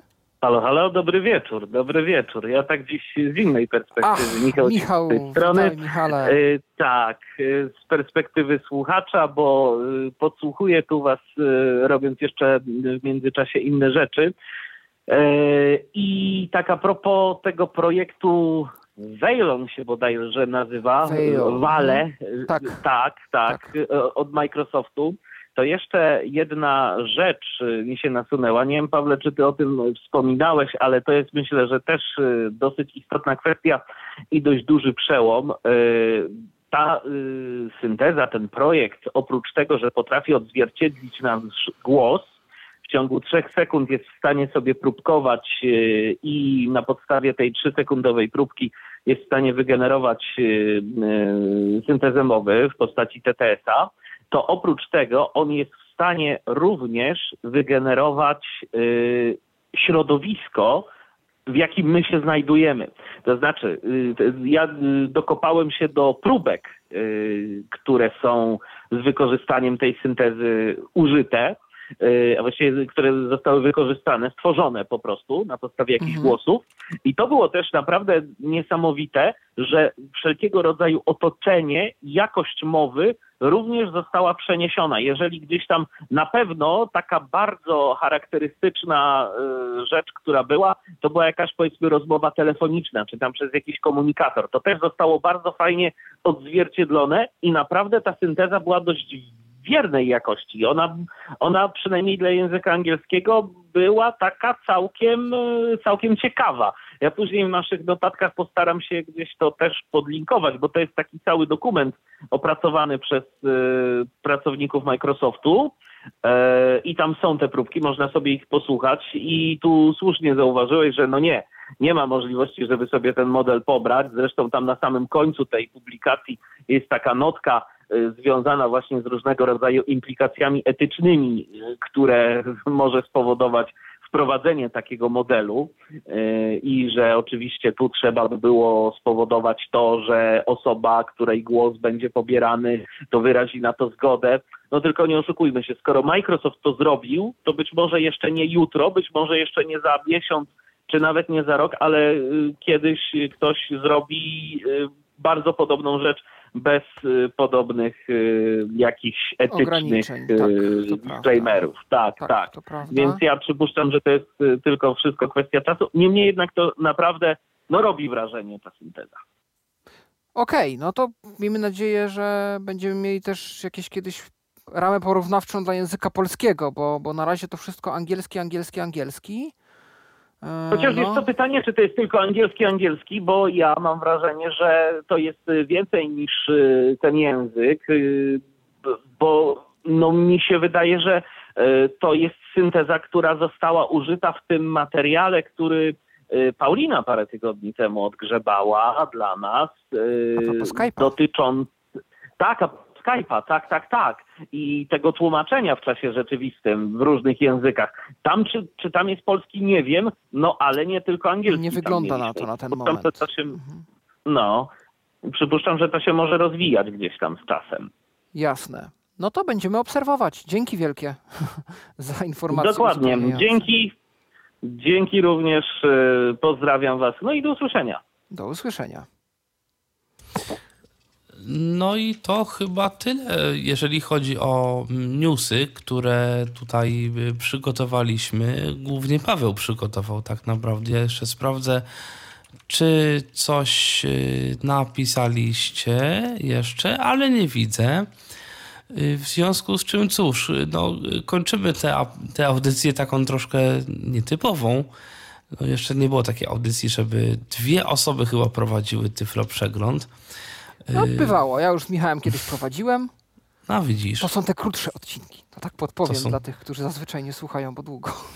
chociaż dwie godziny to no Taka podcastowa norma, powiem ci szczerze. Rozgadany podcast, ale wiesz, at Live Też zawsze prawda. godzina 58.